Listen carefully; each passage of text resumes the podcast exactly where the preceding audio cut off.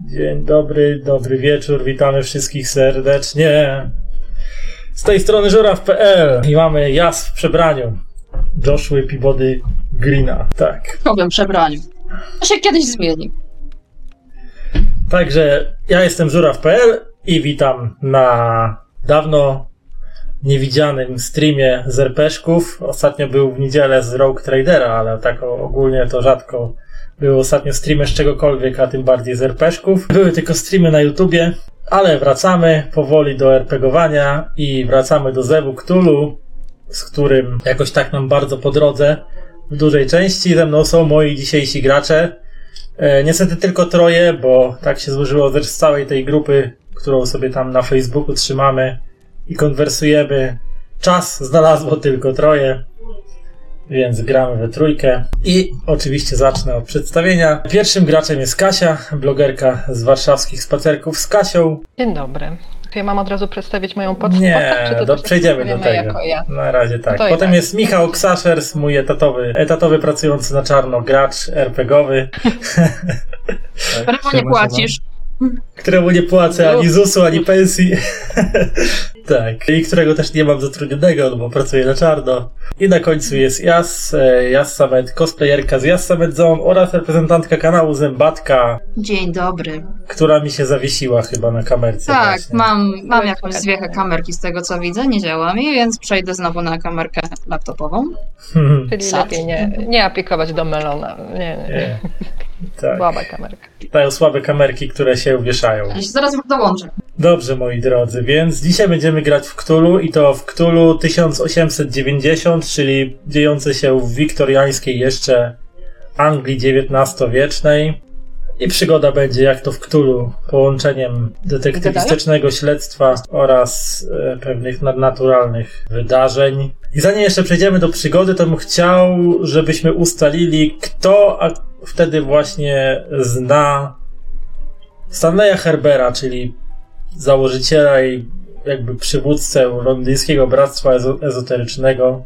Czy wszyscy go znacie, czy któreś z was, bo jest to konieczne do zawiązania pewnych elementów tej przygody. Ja go znam.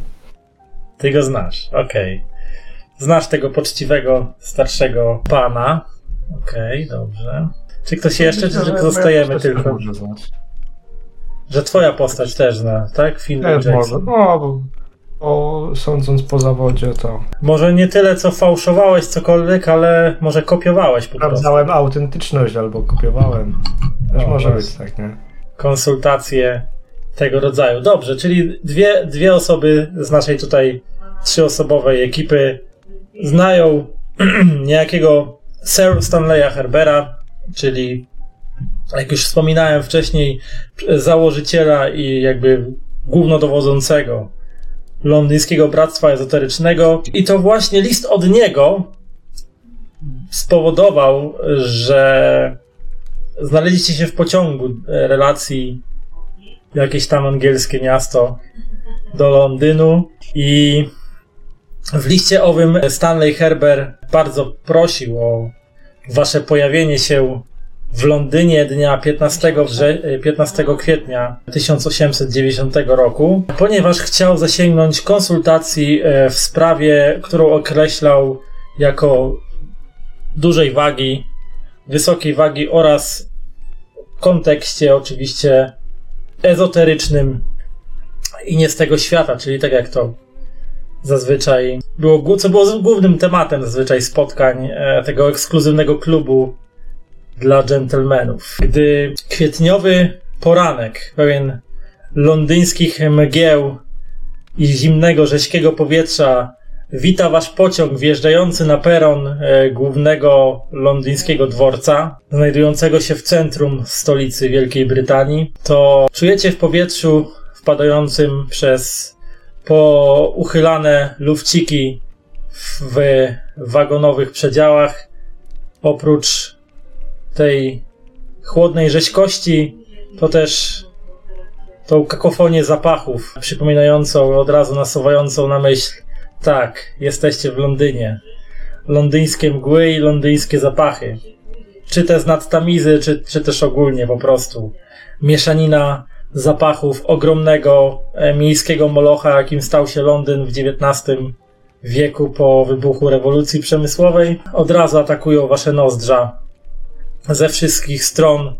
Do tego też wasze uszy e, też atakowane są gwizdkami kolejarzy, byciem syreny lokomotywy informującej o wjeździe na stację, pokrzykiwaniami tłumów garnących się do wagonów, próbują, do pasażerów, którzy próbują wysiadać i wyciągać swoje bagaże. Włączacie się w tą wielobarwną mieszaninę przybyszy z różnych stron Anglii, nie tylko, aby wysiąść na peronie. I teraz bym chciał, żebyście po kolei opisali swoje postacie. Zaczniemy oczywiście od Kasi i Ernesta Myrtle. Ja nazywam się Ernest Myrtle, jestem pastorem z północnej Anglii. Tam się urodziłem, tam się wychowałem, chociaż nauki pobierałem także między innymi w Londynie i w, innu, w innych angielskich miastach. Tam pracuję, tam z moją ro rodziną, jednak no właśnie czasami jakieś ciekawostki wyciągają mnie z tej no nie za wielkiej mieściny. Jako, że właśnie badanie świętej, świętej, jedynej świętej księgi naszej religii sprawiło, że nierzadko miałem kontakty także z, przed, z przedstawicielami innych wyznań, innych odłamów chrześcijaństwa, ale, ale nie tylko. Bardzo mnie zawsze ciekawiły rozprawy teologiczne, nau naukowe, ale także właśnie czasem i wręcz ocierające się o jakieś sprawy ezoteryczne.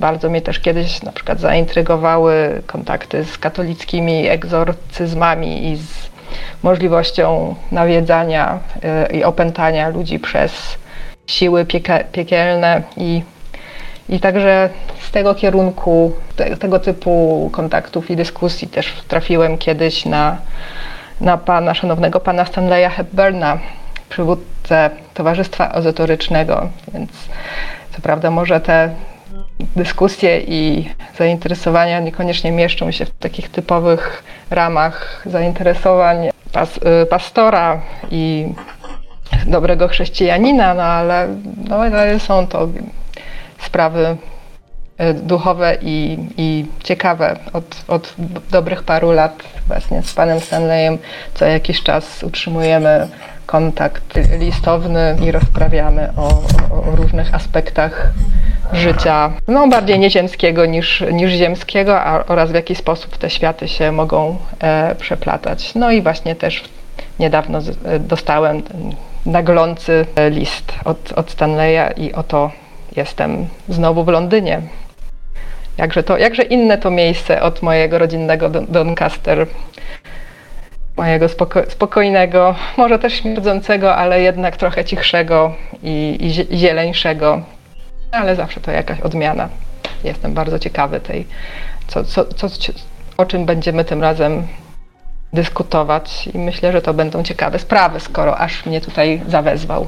Mhm. Razem z pastorem Myrtle na zatłoczony peron londyńskiego dworca wysiada Finlay Jackson. Finlayu. Powiedz coś sobie.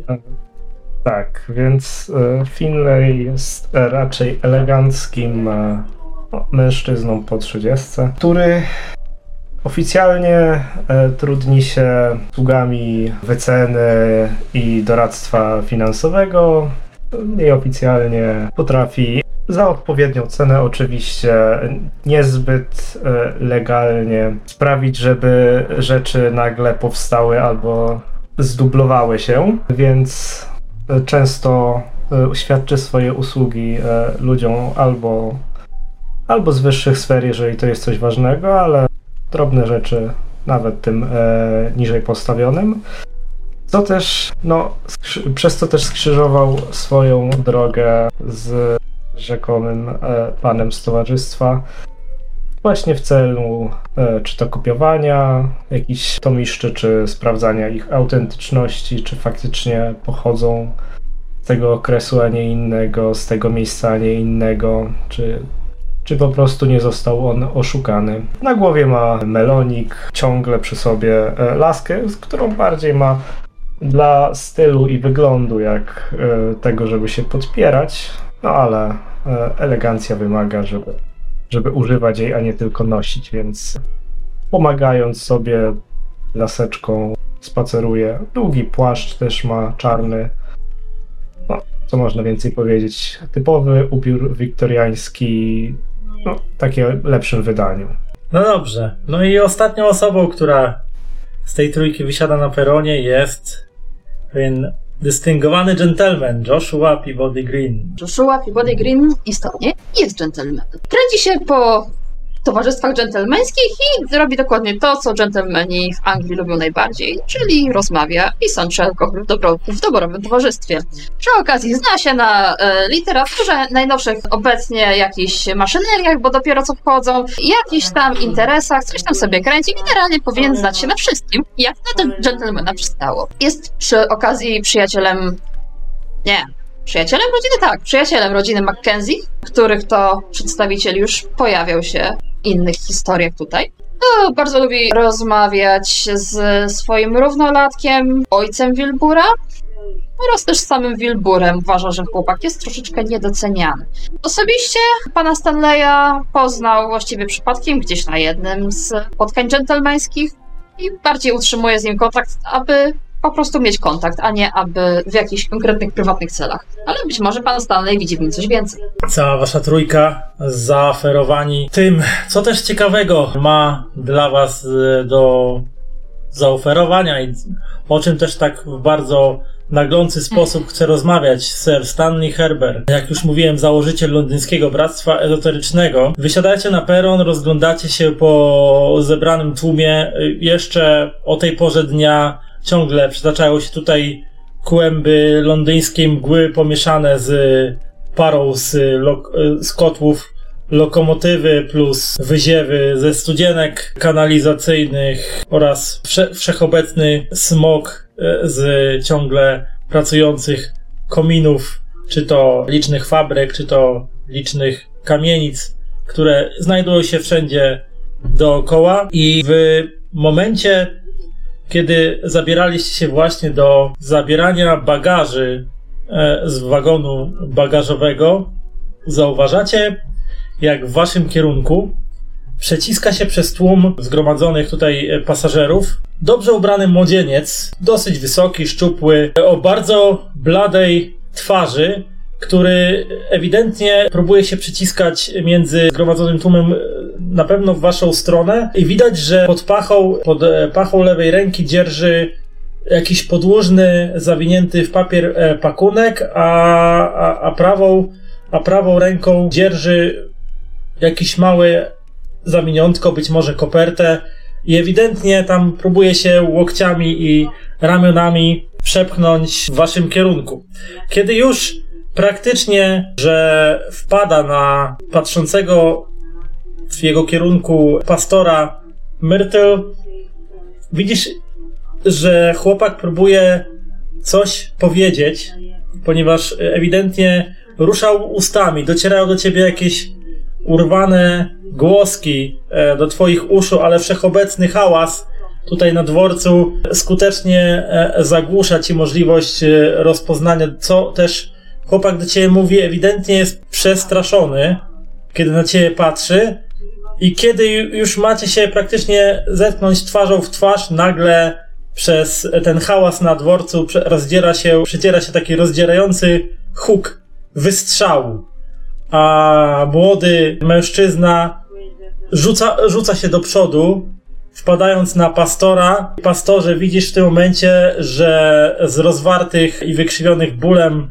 ust chłopaka obryzguje cię i ten twój podróżny surdut, czy w cokolwiek byłeś ubrany, obryzguje cię taka, taki blusk krwi z ust chłopaka, który po prostu wpada rzucony siłą pocisku na, na ciebie i wpada ci w ramiona i tak się patrzy takimi szeroko rozwartymi oczami, osuwając się tak jakby po, po twojej sylwetce w dół. Teraz bym poprosił ciebie, pastorze oraz pozostałych Ostatnie graczy o rzut na poczytalność. Tak, o rzut na poczytalność. Zaczynamy. Czekaj, Gdzie to było? Na moc rzucało się, nie? E, tak, na moc po prostu rzucasz. Znaczy tam jak klikniesz na poczytalność, to chyba też rzucisz. No właśnie próbuję, ale nie idzie. Coś nie działa. No, A gdzie jest no, poczytalność? No to na moc po Ehm, prostu. Dobra, normalny rzut bez żadnych. Tak. Ja sobie rolny po prostu desktop. O, A co, rzut na moc też ci nie działa? Mam inaczej mocy, inaczej poczytalność, no chyba, że to ma być rzut na moc. Dobra, Okej. y, czyli desto wystarczy, tak? Bo ja już tu się zgubiłam. Mhm, trochę. dobra, czekaj, a co, co, co takiego z twoją poczytalnością jest? Nie tak. Ej, ktoś, ktoś nie zdał? Wszyscy chyba stali. Wszyscy zdali, no. Jak wszyscy, wszyscy zdaliście, więc pastorze tracisz jeden punkt poczytalności, a pozostała dwójka nie traci nic. Co chcecie zrobić w tym momencie, kiedy właśnie szykując się do, nie wiem, znalezienia jakiejś dorożki, czy ogólnie opuszczenia terenu dworca, no widzicie całe to zajście, gdzie ktoś, Okej, kto to ewidentnie... zanim, zanim rzucę deklaracją, powiedz mi, bo e, pan Stanley wysłał nas listownie. Czy on Tak. listownie przekazał, że będziemy na przykład we trójkę wymienił wszystkich troje? Czy my się znamy, generalnie kojarzymy, wiemy, że mamy jeden cel? Czy to są dla mnie jeszcze obcy ludzie, którzy, z którymi miałam, po, miałem podróżować e, do celu przypadkiem? Nie, wydaje mi się, że, y, y, że zakładaliśmy, że znacie się wszyscy troje też. Znamy się. Znamy się, Mhm. kojarzymy się. Zak- zakładamy. Tak. W związku z tym, no, myślę, że Joshua, widząc całe to zamieszanie i pewnie też panika ogólnie w tłumie w tym momencie jest. Tak, nie? tak, wybucha panika, ludzie zaczynają krzyczeć, niektórzy gdzieś tam panicznie rzucają się do ucieczki na łeb, na szyję, zaczynają was potrącać. No ogólnie zaczyna się jeden tumult i zamieszanie. Tak. Z dużych peronów zwykle są po dwa, trzy zajścia, nie jedno. Więc myślę, że Joshua pociągnąłby y, jednego, drugiego towarzysza i być może ciało, jeżeli się dobrze wczepiło, w, w, w stronę jednego z mniej uczęszczanych przejść, żeby po prostu faktycznie szybciej się y, wydostać na zewnątrz, nawet jeżeli y, gdzieś y, na uboczu. Bo Mhm. ja powiem tak, ja na pewno będę chciał też się rozejrzeć, czy nie, nie widać, no, kto miałby strzelać. No bo No to się- rzuć na spostrzegawczość. w tamtych czasach raczej, w tamtych czasach raczej nie była cudna broń, więc trzeba było raczej blisko w miarę podejść, żeby oddać celny strzał. My jeszcze gramy 1800, prawda? 90. Tak, Tak, 1890.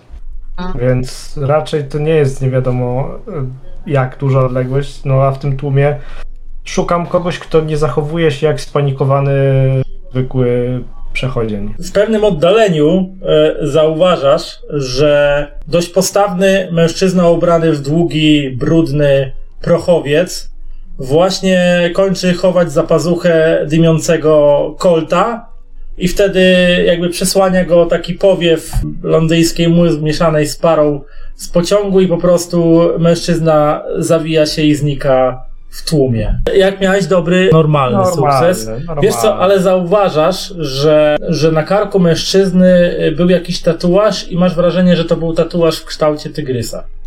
Mhm.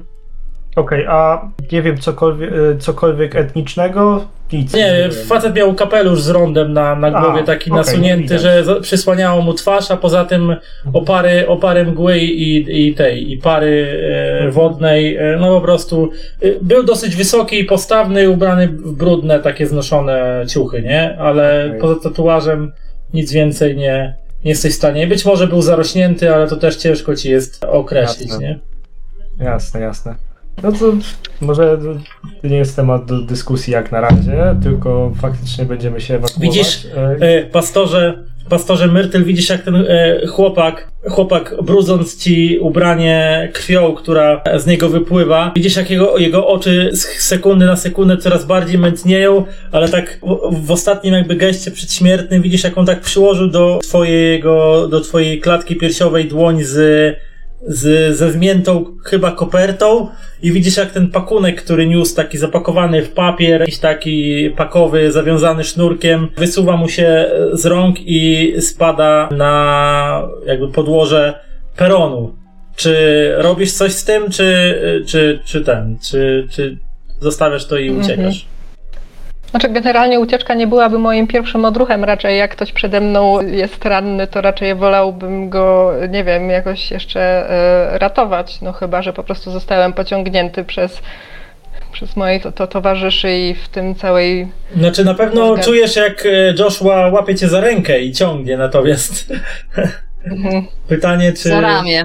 Czy za ramię? Za ramię. Wtedy, wtedy człowiek e, biegnie szybciej. Pytanie tylko, czy dajesz się temu po, powieść i, i czy, czy nie, nie? Nie No myślę, właśnie, że to można tak- na rolę nawet e, przetestować, jeżeli nie chcesz. Tak, Ja- no, ewentualnie rzut sporny na siłę, nie możecie zrobić, jeżeli. Tylko No, pyta. ja- Zresztą Joshua też wi- widzi, że mężczyzna coś niósł ze sobą i upuścił na, na peron jakiś podłużny No. pakunek i który leży No teraz. Podejrzewam, że pan, że pan Green po prostu złapie ten pakunek w jedną rękę, żeby nie robić pastorowi też jakichś, nie wiem, problemów czy coś. Pastor niesie ciało, ja, ja mogę nieść paczkę. Ja generalnie, jeżeli nawet miałabym się ewaku- miałbym się ewakuować, to raczej bez ciała. A, czyli Eee. zostawiasz biedaka na peronie, okej. Bo- Znaczy generalnie jeszcze nie powiedziałam, że po, po pierwsze powiedziałam, że raczej nie, e, nie, ucieczka nie jest moim pierwszym odruchem, a po drugie raczej gdybym miała się oddalać, to raczej nie, nie ciągnąć za sobą ciało na, na, na, na dworcu, bo to by jakby było kontr, Podejrzane. kontrproduktywne do, do całego ruchu. tak, no ale jeżeli on się tak właśnie osu, osuwa i widzę, że nic dla niego nie, nie, nie mogę zrobić, a jakby już tak jakby osuwając się tam zostawia, nawet niechcący coś bardziej na mnie, to przynajmniej odruchowo te, te, te rzeczy myślę, że przyciąg, przyciągnę do, do siebie, ze względu na to, że jeszcze chwilę temu miałam wrażenie, że on próbuje się ze mną coś do mnie mówić, więc to już zdążyło w ciągu ostatnich paru sekund tworzyć między nami jakąś Jakoś Więź. no może poro- więź, tak, tak. Ale tak, no przez chwilę na pewno stoję nad nim z jakimś takim o, o, osłupieniu y, i się zastanawiam, nie, nie, nie what the fuck, bo to nie przystoi pastorowi, ale What the hell. what the hell, co, co już trochę bardziej ze względu na moje różne zainter- zainteresowania i, i, i, i, mój, moją profesję. Tak, ale w sumie no tak e, patrzę, że tutaj chyba właśnie e, no, wi- widzę tę, tą rę- rękę e, pana Peabody'ego na, na, moim, na moim ramieniu, więc chyba jednak podążę też w tym kierunku, szczególnie, że, szczególnie, że pan Jackson chyba też, więc możemy po prostu faktycznie w, tym tłumie Znaczy, na pewno nie, nie zostawimy tam, ciało zostawimy, ale co tam z ciała wypadło, to nie zostawimy. No, I- za- zabieramy to to ze sobą. Tak. I to. Mo- Może to później, na pewno to, na pewno to później oddam policji, ale w tej chwili może jestem w zbyt, Właśnie- zbyt wielkim szoku. Myśl, myślę, że nawet jeżeli byśmy całkiem przez przypadek natknęli się na jakiegoś policjanta, to tak skazać, tam było strzelanie, tam ktoś nie żyje, tam jest ciało, zajmijcie się tym. Róbcie Więc, swoją robotę, bo to nie nasza robota. więc kiedy niejako ponaglani przez Joshua do szybkiego opuszczenia miejsca zdarzenia najbliższym możliwym e, wyjściem z dworca, słyszycie jak e, z różnych końców tegoż rozlegają się głośne gwizdki straży kolejowej. Słyszycie podniesione głosy, proszę się nie ruszać, proszę się uspokoić, proszę się rozejść. Z innej strony dworca, policja, policja, proszę rozstąpić się. Coś tam, jakieś krzyki, nie? I, i widzicie dro- mundurowych me- mężów, którzy ściągają właśnie w kierunku leżąc, rozciągającego się na peronie ciała jakiegoś młodego, tajemniczego gentlemana. Ewentualnie jeszcze w Finleyu i Ernestie Myrtle, jeżeli znaliście się ze Stanleyem Herberem, to możecie rzucić jeszcze na inteligencję. E, Jeśli wam się uda, to być może przypomni wam się pewien fakt. Próbujemy. E, no, powiem tak. O, weszło. Ale na pewno, jeżeli wzięliśmy coś, to na pewno chciałbym z, raczej sprawdzić, co wzięliśmy ze sobą, bo to w sensie. Ja w ogóle jestem uma, pakunek umazany tak krwią. No, od ciebie trzeba schować przede wszystkim, bo będziesz pierwszym podejrzanym. Więc oddalając się z miejsca zdarzenia, zarówno e, Ernest, chociaż może bardziej mgliście, ale Finlay chyba tak bardziej wyraźnie, przypominasz sobie, że już tego chłopaka gdzieś widziałeś wcześniej i jesteś raczej pewien, że było to właśnie mm, e, na spotkaniach Londyńskiego Bractwa Ezoterycznego. Jesteś raczej pewien, że to był jeden z bliskich podwładnych Stanleya Herbera. Natomiast y, jeżeli chodzi o rzeczy, które ze sobą zabraliście, no to pastor na pewno trzyma e, w dłoniach ciągle tą zmiętą kopertę oraz Joshua, czy któreś z was zabrało ten pakunek, jest podłużny, około metra długości mniej więcej, zawinięty w taki nie, niewyróżniający się szary papier pakowy związany sznurkiem, nie, żeby się nie, nie rozpadł. Ciężko powiedzieć co to, nie? E, Dopóki jest zapakowany. Z, No to zbliżają się do was, przyciskający się przez tłum przedstawiciele Straży Kolei. Co robicie? ja raczej byłbym za tym, żeby tak przysłonić trochę Ernesta, a nawet jak się uda, to tak tu A jaką macie budowę ciała? No ja mam taką. 75. Ja mam pogaźną. No ja raczej też wyższy, taki, no może nie grubszy, ale postawniejszy. Więc no, Ale który ma wyższą budowę? Ja mam Ja ma- 75. Ja mam 70. No to rzuć e, na ten, rzuć na spot hidden Erneście. Znaczy nie na spot hidden, tylko na, ukrycie, na ukrywanie się, na chowanie się, ukrywanie się. Z kością ułatwienia, przez to, że zasłania cię szeroki w barach Finlay Jackson. Wiesz, tutaj szeroki płaszcz, melonik, tam wiesz, tutaj, ojejku, jak, jak muszę przeprostować plecy, o, coś mnie strzyka tutaj, tak. E, Jak mam to? Jejku, ja to klikam, tak? tak. Powinno ci się okno rzutu pojawić, jak wejdziesz, klikniesz na nazwę umiejętności. No to nie pojawia się. Pytanie, czy masz kudeczkę zamkniętą, czy otwartą? E, Z otwartą ma, dobra, Ot- zamkniemy. otwartą. O, no to Bo teraz. ja to samo miałem na początku, Alright, że coś mi lecimy. nie działało i... i Aha, tylko, nie, działało. tylko że nie zaznaczyłam żadnego ułatwienia. Ale, i tak wyszło. Ale i tak elegancko. Dobra. Jakoś nie zauwa- mijają was i jakoś nie zauważają tego, że Ernest Myrtle ma pobrudzony krwią su- surdut, więc... Plecami się odwróciłem. czy tam płaszcz. Więc jakoś tak udało wam się niezauważenie przystanąć i nie zwrócili na was większej uwagi i tam skupili się na robieniu miejsca przy tych leżących na peronie zwłokach. Policjant już krzyczy do ludzi w koło, czy jest jakiś, są jacyś świadkowie zdarzenia, czy było widać kto strzelał, bo czy ktoś zna zamordowanego. Czyli ewidentnie szukają potencjalnych świadków do, do dalszej sprawy, tak? Ci strażnicy kolejowi zaczynają tam ludzi tam pałkami ustawiać, w sensie nie tłuką, tylko przesuwają, żeby ciekawscy, O. ewentualnie gapiowie, którzy tam się gapią, oczywiście jak to zwykle bywa w takich sytuacjach, na trupa, żeby nie przeszkadzali w pracach. Inleju, chcesz się ujawnić, czy raczej nie? E, No, wiecie panowie, wydaje mi się, że ten chłopak jest powiązany z naszym gospodarzem dzisiejszym, więc... O, Myślę, Czyli to nie tylko to, że zauważyłeś, kto strzelał, ale i możesz go Zorientowałam kojarzyć. się.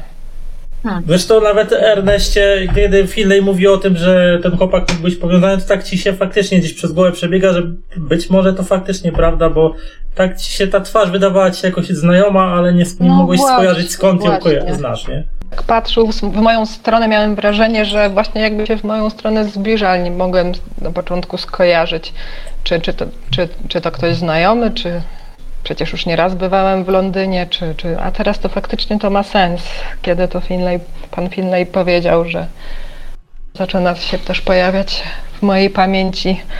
O, biedny młody człowiek, co to się stało, co to mogło być? No ale właśnie, tutaj on trzymał w rękach jakieś rzeczy, które Wrażenie, że chciał nam to przekazać, ale to później sprawdzimy, cóż dokładnie miał. Na ten moment wasza decyzja, mości panowie, czy chcecie pełnić obywatelski obowiązek i przekazać informacje naszym służbom prawa, czy też nurtuje nas czas, pędzi nas czas, bo wydaje mi się, że nie mamy zbyt wiele możliwości, aby tutaj zmarnować. A jednak rozmowa z panami ze służb zajmie cały dzień i to nie jest, nie działa na naszą korzyść. Wydaje mi się, że służby tak czy siak będą- zabiorą się za szukanie i to cokolwiek widzieliśmy, to nic wiele im nie pomoże. A musielibyśmy pozbyć się tego, co tak usilnie próbował dostarczyć gdzieś Denat przy okazji całkiem możliwe, że uciekając przed swoim zabójcą. Więc raczej to może być coś, coś ważnego. No cóż. Więc biorąc pod uwagę, że nasz biedny nieboszczyk jest związany z naszym znajomym, tudzież przyjacielem, panem Stanleyem, to też niepokoi, niepokoją mnie jego losy, czy aby też nie jest tutaj zagrożony, więc Nie, też tym bardziej. pastorze nurtuje ta kwestia, więc rad byłbym czym prędzej ruszać w stronę domostwa pana Stanleya i przy okazji Chociaż- uniknąć nie czy my mamy-. Tak, ale właśnie, żeby też uniknąć niepotrzebnych zapytań, jednak chciałbym się najpierw skierować do hotelu. Czy my mamy zamówiony hotel gdzieś w jakimś Nie, wspólnym nie, mieście, czy musicie zatrzymujemy sobie- się u Stanleya? Musicie sobie ewentualnie znaleźć, bo Stanley chciał się z wami spotkać tego dnia, 15 kwietnia, natomiast nic nie było mowy o tym, że ani że zapewnia wam loku, ani że zaprasza was do, do siebie. Po prostu chciał się umówić na spotkanie. Tak, bo ja na pewno muszę się przebrać po to też, żeby to nasza dal, ten nasz dalszy dzień nie, nie, nie był zakłócony przez ciekawskich służb. Drogi pastorze, to przebierzmy się y, w jakimś dogodnym miejscu, natomiast nie czuję, aby y, trzeba było załatwiać nocleg. Jeżeli panowie chcecie, możecie przenocować w mojej posiadłości. Ja mieszkam pod Londynem 10 minut stąd, więc nie będzie absolutnie żadnego problemu, abyście tam przetrwali. Jeszcze przy okazji 10 10 minut- parę groszy. No Joshua, 10 minut od centrum, centrum Londynu to nadal jest Londyn. Pociągiem? Metro już pewnie funkcjonuje. Pociągiem mówię. Dobra, 20 minut. To co decydujecie w takim razie? Dobra, tylko gdzie ja bym mógł- się tutaj e, przebrać? Wejdziemy może niepostrzeżenie do, res- do jakiejś restauracji, tam jakiejś toalecie. To znaczy, no, mi nie się- jest pomysł Ewentualnie na, masz ubrudzone wierzchnie ubranie, tak? płaszcz ma ochlapany, Płaszcz. ewentualnie trochę surduta, nie? No to No dobrze. ewentualnie tego płaszcza się pozbyć, tak? Albo zdjąć, zgiąć, tak, No schować. dobra, może tak, w jakimś, za, jeżeli to tylko płaszcz, to faktycznie w jakimś tam zacisznym kąciku parę metrów stąd po prostu wy, wyciągnę z mojej niewielkiej walizeczki. Nie, schowam do, do, do, do walizki. Krew można wywabić chyba jakoś. Najlepiej szybko zimną wodą, dopóki nie zetnie się. Chociaż to Więc- może być. No ale myślę, że będziemy ruszać już.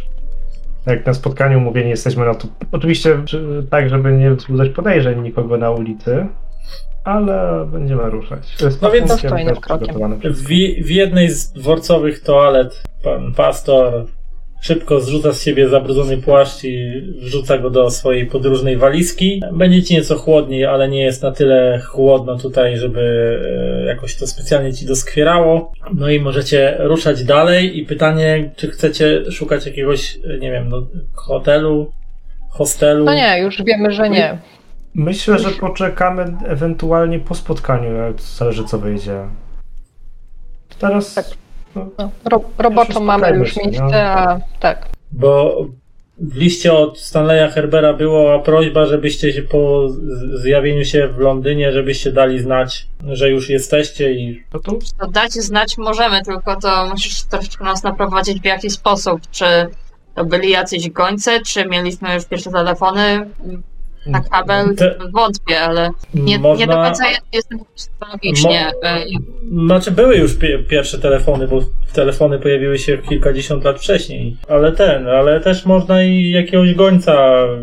Znacie adres, przynajmniej Finlay oraz Ernest znają adres towarzystwa, bractwa. No i na pewno Ernest zna też e, adres posiadłości samego Stanleya Herbera, wie gdzie, gdzie się znajduje, więc może wysłać wiadomość tak do towarzystwa, jak i do, bezpośrednio do, do domu profesora Herbera. Pytanie, gdzie profesor obecnie przebywa. Tak, wiem, utrudniam. e, ale nie, myślę, że pierwsze. No o tej co- godzinie jeszcze to najprawdopodobniej przebywa w domu, bo to jest powiedzmy, nie wiem, w okolicach ósma po ósmej rano, więc No właśnie, to wszelkie jakieś tam towarzystwa czy kluby dżentelmeńskie raczej tak wcześnie działalności nie zaczynały swojej. No dlatego mówię, lepiej zacząć od mieszkania, nie odbierze w mieszkaniu, to się będzie dzwonić gdzie indziej najwyżej. Czyli telefon bardziej. Okej. No, do jakiegoś miejsca, mo- na, w okolicach stacji raczej powinien jakiś być. Czy w jakiś, nie wiem, jakiś posterunek, poczta, cokolwiek, nie? Że Te takie tak zwane budki czerwone y, funkcjonują w końcu. To Nie jest wiem, nie wiem czy E, były Od lat wtedy. 20. Właśnie, No. właśnie to na sprawdzam. to, latach 20. weszły dopiero. Tak, tak. But, Nie, ale to w jakichś tam pojedynczych instytucjach telefony pewnie już były, albo tam jakieś na przykład No, hotel, w, rece, w tak, recepcjach hoteli na przykład, czy... Ale to w takim wypadku pytanie, czy pan profesor Stanley posiada telefon w domu? A tego to niestety Podał nam nie, nie wiecie. liście, nie? No jeżeli Nie. nie. wiemy, to nie mamy numeru. Jeżeli nie mamy numeru, to nie dzwonimy, tylko wysyłamy gońca. Okej. No, Albo idziemy. no, a można w sumie. Je, jedziemy, jedziemy, ale wysłać tego, wysłać jakiegoś z gościa z ulicy właśnie. Innego. Tak, kogoś szybkiego, że niech idzie zapowiedzieć czy coś. To jest na zasadzie masz adres, masz karteczkę, biegnij szybko. No, Mm. no, a my na spokojnie idziemy. Znaczy na spokojnie. Bardziej y, ja bym starał się cały czas oglądać nas, plecy nasze i nie tylko plecy, bo skoro Mhm. mamy pakunek osoby, Który- która została zastrzelona przy nas, Mhm. całkiem możliwe, że ktoś ten pakunek będzie chciał odzyskać, więc będę się starał wypatrywać jakichś no, nie, niecodziennych rzeczy. Myślę, że mogę mieć w miarę pojęcie przez to, że miałem raczej z ludźmi spod ciemnej gwiazdy do czynienia w pracy.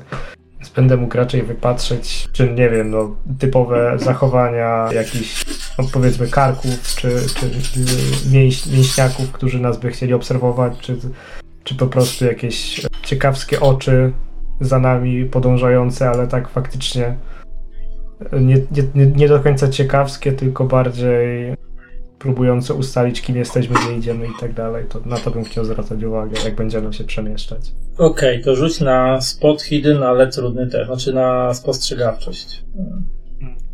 Trudne. Siedź. Opuszczacie teren dworca. Finlay, widzicie, zachowuje się dosyć nerwowo, co jakiś czas się rozgląda uważnie, przygląda się po niektórym bardziej podejrzanie wyglądającym ludziom na ulicy. Yy, Jest lekko podenerwowany całą tą sytuacją, ale sam, e, sam Fi- Finlay nie zauważasz jakoś.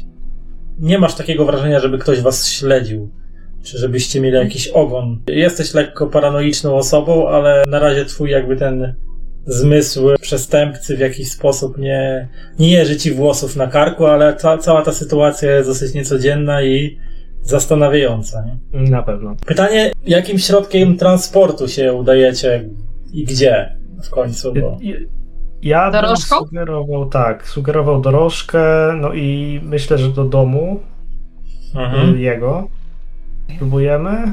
No, jeżeli nie, no to już będziemy wtedy się zastanawiać. Ale spróbowałbym do domu, bo tam też posłaliśmy chyba jakiegoś już chłoptasia. Nie wiem, jakiegoś e, dało mu się funta, czy nawet nie funta. Szylingów może parę, czy coś. Tak, pa- parę szylingów bardziej, jak funta. I jedziemy. Myślę, Więc że łapiecie, dosyć szybko łapiecie jedną z wielu krążących po tym rejonie dorożek. Ładujecie się do środka, e, informujecie Stangreta, gdzie, gdzie ma jechać.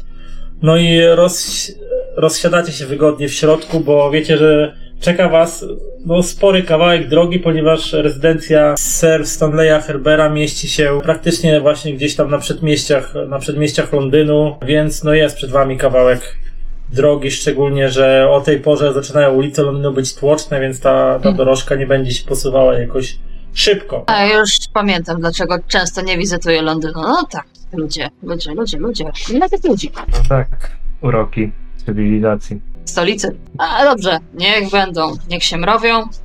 W Londynie jest praca. Klasa średnia musi pracować. Jedziemy w każdym razie. No, jedziecie, czy coś robicie po drodze? Rozmawiamy? Otwieramy ten pakunek. Właśnie miałem sugerować, bo ja raczej chciał w domyśle dorożkę taką zamkniętą. No Taką- właśnie, bo to jest też kwestia. Ja dorożki kojarzę bardziej otwarcie. Także jeżeli E, to jest taka zamknięta, To jest taka kabi- tak dalej, kabinowa, taka zamknięta. Tak? kabinę, Dobra. no. to możemy faktycznie zajść do tego pakunku, co tam jest. Skoro mamy tyle czasu, no to Macie, macie tą kopertę, teraz kiedy na spokojnie się można jej przyjrzeć, to widzicie, że na kopercie napisane jest po prostu Edward Merritt. Napiszę wam na czacie. Na kopercie napisane jest Edward Merritt, a, a, a paczka jest ogólnie w ogóle nieoznaczona, więc tak naprawdę dopóki się je nie, nie dostaniesz do środka, to nie wiesz co w niej jest. Ale jaki to jest pakunek? W sensie to jest w papier owinięte, czy jest jakaś skrzyneczka? To jest y, prawdopodobnie jakiś futero bądź skrzyneczka, tak przynajmniej y, na pierwszy rzut oka możesz wywnioskować. Owinięta w szary, y, nieoznaczony papier i taka poprzewiązywana szturkiem, nie? E, żeby ten papier się Okej. tam nie rozpadł. Okej, no to myślę, że e, spróbuję to tak otworzyć, żeby nie Czy- zniszczyć w żaden sposób opakowania. Czy, znaczy to ciężko będzie, bo ten sznurek jest tak związany, że jego albo trzeba przeciąć, nie da się go za bardzo rozwiązać. To taki zasupłany, wiesz, pakowy sznurek. No to E, właśnie mi chodzi, żeby te supełki tak wszystkie e, po, próbować rozsupłać, żeby potem To ewentualnie... wiesz co, to ewentualnie na zręczne palce jest bardzo ten, ekstremalnie trudny test. Okej, możemy spróbować. Możemy spróbować. Ekstremalne. Niestety, chwilę, chwilę się mocujesz, ale widzisz, że to jest naprawdę, jeśli chodzi o pakowanie, naprawdę fachowa, mocna robota, związane tak, że, e, że trzeba to albo przeciąć po prostu nożem czy coś, żeby dostać. e, do środka. No to ja prawdopodobnie jakby się Czy- z tym męczę. Czy ktoś zagląda do tej koperty, czy tak po prostu widzicie samo nazwisko i zostawiacie? No jeśli pan Finlay bardziej zainteresował się paczką, to oddaję mu paczkę, a sam biorę kopertę. No, Ale to jest tak jakby ten Ernest, tfu, e, Edward. Merit, Edward. Merit, to, to tak jakby to był adresat, czy Chyba po prostu tak, to nie, tak. nie wynika? E, To prawdopodobnie jest adresat, ale no nie jest Bo nie pamiętamy, jak ten młody człowiek się na, nazywał, bo pamiętamy tylko jego twarz z przeszłości, ale nie pamiętamy, czy to jest jego. Znaczy Finlay być może, być może tak powiedzmy na pół na pół może być pewien, że być może to była właśnie ta osoba, ale, ale tak na 100% aż tak, imię aż tak. może podobnie brzmiało jego gdzieś tam. może, no, może, że może faktycznie to był Edward, może Ernest też, może jakiś tam inny. Eryk, nie, no co, nie wiem, no być może to, to był właśnie on. Okej. To co, No to- e, Joshua, otwierasz ten list? Oczywiście. Łamię Tak. pieczęć, jeżeli oczywiście nie jest złamana już. I zerkam. O mój Boże. Nie mogę skopiować. Nie, bo to jest obrazek, to jest skan. Chcę, ktoś, wiem, e, chcę to wkleić na handoutsy, żeby do tego sobie móc wrócić. czekaj. Chyba, że chciałbyś wkleić mi to na handoutsy. Ja już to zrobię. Dziękuję. No, panowie, widzę, że dość personalny list nawiązujący do bractwa. Chcecie wysłuchać? Czy później może? Cóż w ogóle nas wiedzie, czy ten człowiek nas słyszy? Myślę, że jesteśmy w Londynie. Tutaj dorożkarze raczej wiedzą, że lepiej. To czy jest taki hałas na ulicy, że on raczej nie słyszy tego, co w środku gadacie? Dobra, posłuchajcie tego. Wybacz, że nie mogłem ci przekazać tej wiadomości osobiście, lecz muszę poprowadzić pewne niecierpiące badania zwłoki. Mam dla ciebie zadanie, od którego zależeć może przyszłość całego naszego bractwa. Pamiętasz jeszcze ów tajemniczy artefakt, o którym kiedyś opowiadałem? Joshua przerwał, spojrzał na tą paczkę. Tu mamy artefakt? Przepraszam, jakiś dziwny? Coś takiego. Jeszcze nie otworzyłem, ale tak widzisz, że już ostrze jest wysuwane z laseczki Mhm. i sznurek jest przecinany. O, Powracając. taką laseczkę. Powracając, musisz jak najszybciej wyruszyć do Egiptu w jego poszukiwaniu. Nie kontaktuj się w tej sprawie z nikim innym z bractwa. Nie mogę podać teraz żadnych szczegółów, ale jestem pewien, iż do organizacji zakradł się ktoś, komu nie powinno, nie wolno ufać. Nieprzyjemnie. No cóż, jeśli coś przytrafiłoby mi się przed twoim przyjazdem, to przedmiot przekaż mojemu przyjacielowi, który przybył do Londynu dnia 15 kwietnia. Nie powinieneś mieć kłopotów z jego rozpoznaniem. Wygląda on tak. Hmm. Wed- Według opisu Mości ojcze, do pastorów mówi się mości ojcze, czy inaczej, bo nie do końca wiem. Wielebny, może być wielebny. Mości wielebny. E, Muszę przyznać, że opis pasuje idealnie wręcz do ciebie. Opowiedz mu wszystko, co ostatnio zaszło w naszym bractwie i żegnaj. Podpisany Stanley Herbert. Herbert. Herbert. Tak więc pan Stanley zawiadomił naszego Edwarda, zgadzałoby się, iż to ten młody chłopak, a żeby coś tam się dowiedział i się z nim skontaktował, ale Edward chyba zauważył, że jest w bardzo niekorzystnej sytuacji i pobiegł do pana pastora. Hmm. Z tego listu czy nie, czy nie wynika, że coś się mogło już stać Stanleyowi Herberowi? Nic nie wynika Jeśli wielebny. coś przytrafiłoby mi się przed twoim przyjazdem, to przedmiot przekaż mojemu przyjacielowi.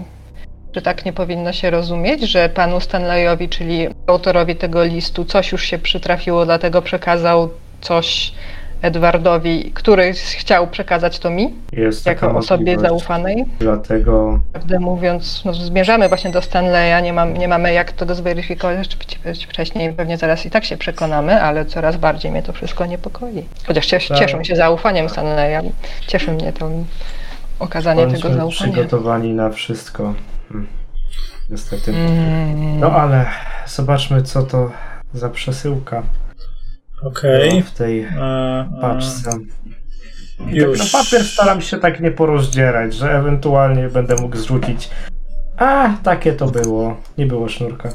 Otwie- o- o- odcinasz te sznurki oraz delikatnie rozwijasz ten papier na tyle, na ile się da to ostrożnie zrobić i widzisz, e, że pod e, zwitkami tego papieru kryje się raczej prostej konstrukcji podłużna, podłużne takie drew, drewniane pudełko. W ogóle nie jest na pewno jakieś stare, raczej powiedzmy coś z aktualnej w miarę produkcji. Zwykła taka prosta skrzyneczka, e, w której można przechowywać cokolwiek. No, ma około jakiś tam, nie wiem, metra, może nieco mniej niż metr e, długości, może yard, może trochę mniej niż yard. Co, co sobie sugerowało, że jest w tym umieszczone coś podłużnego, nie wiem, może cokolwiek, ostrze na przykład jakieś, albo nie wiem, flet na przykład długi, prosty, albo co, co, cokolwiek innego mogłoby się w tym zmieścić.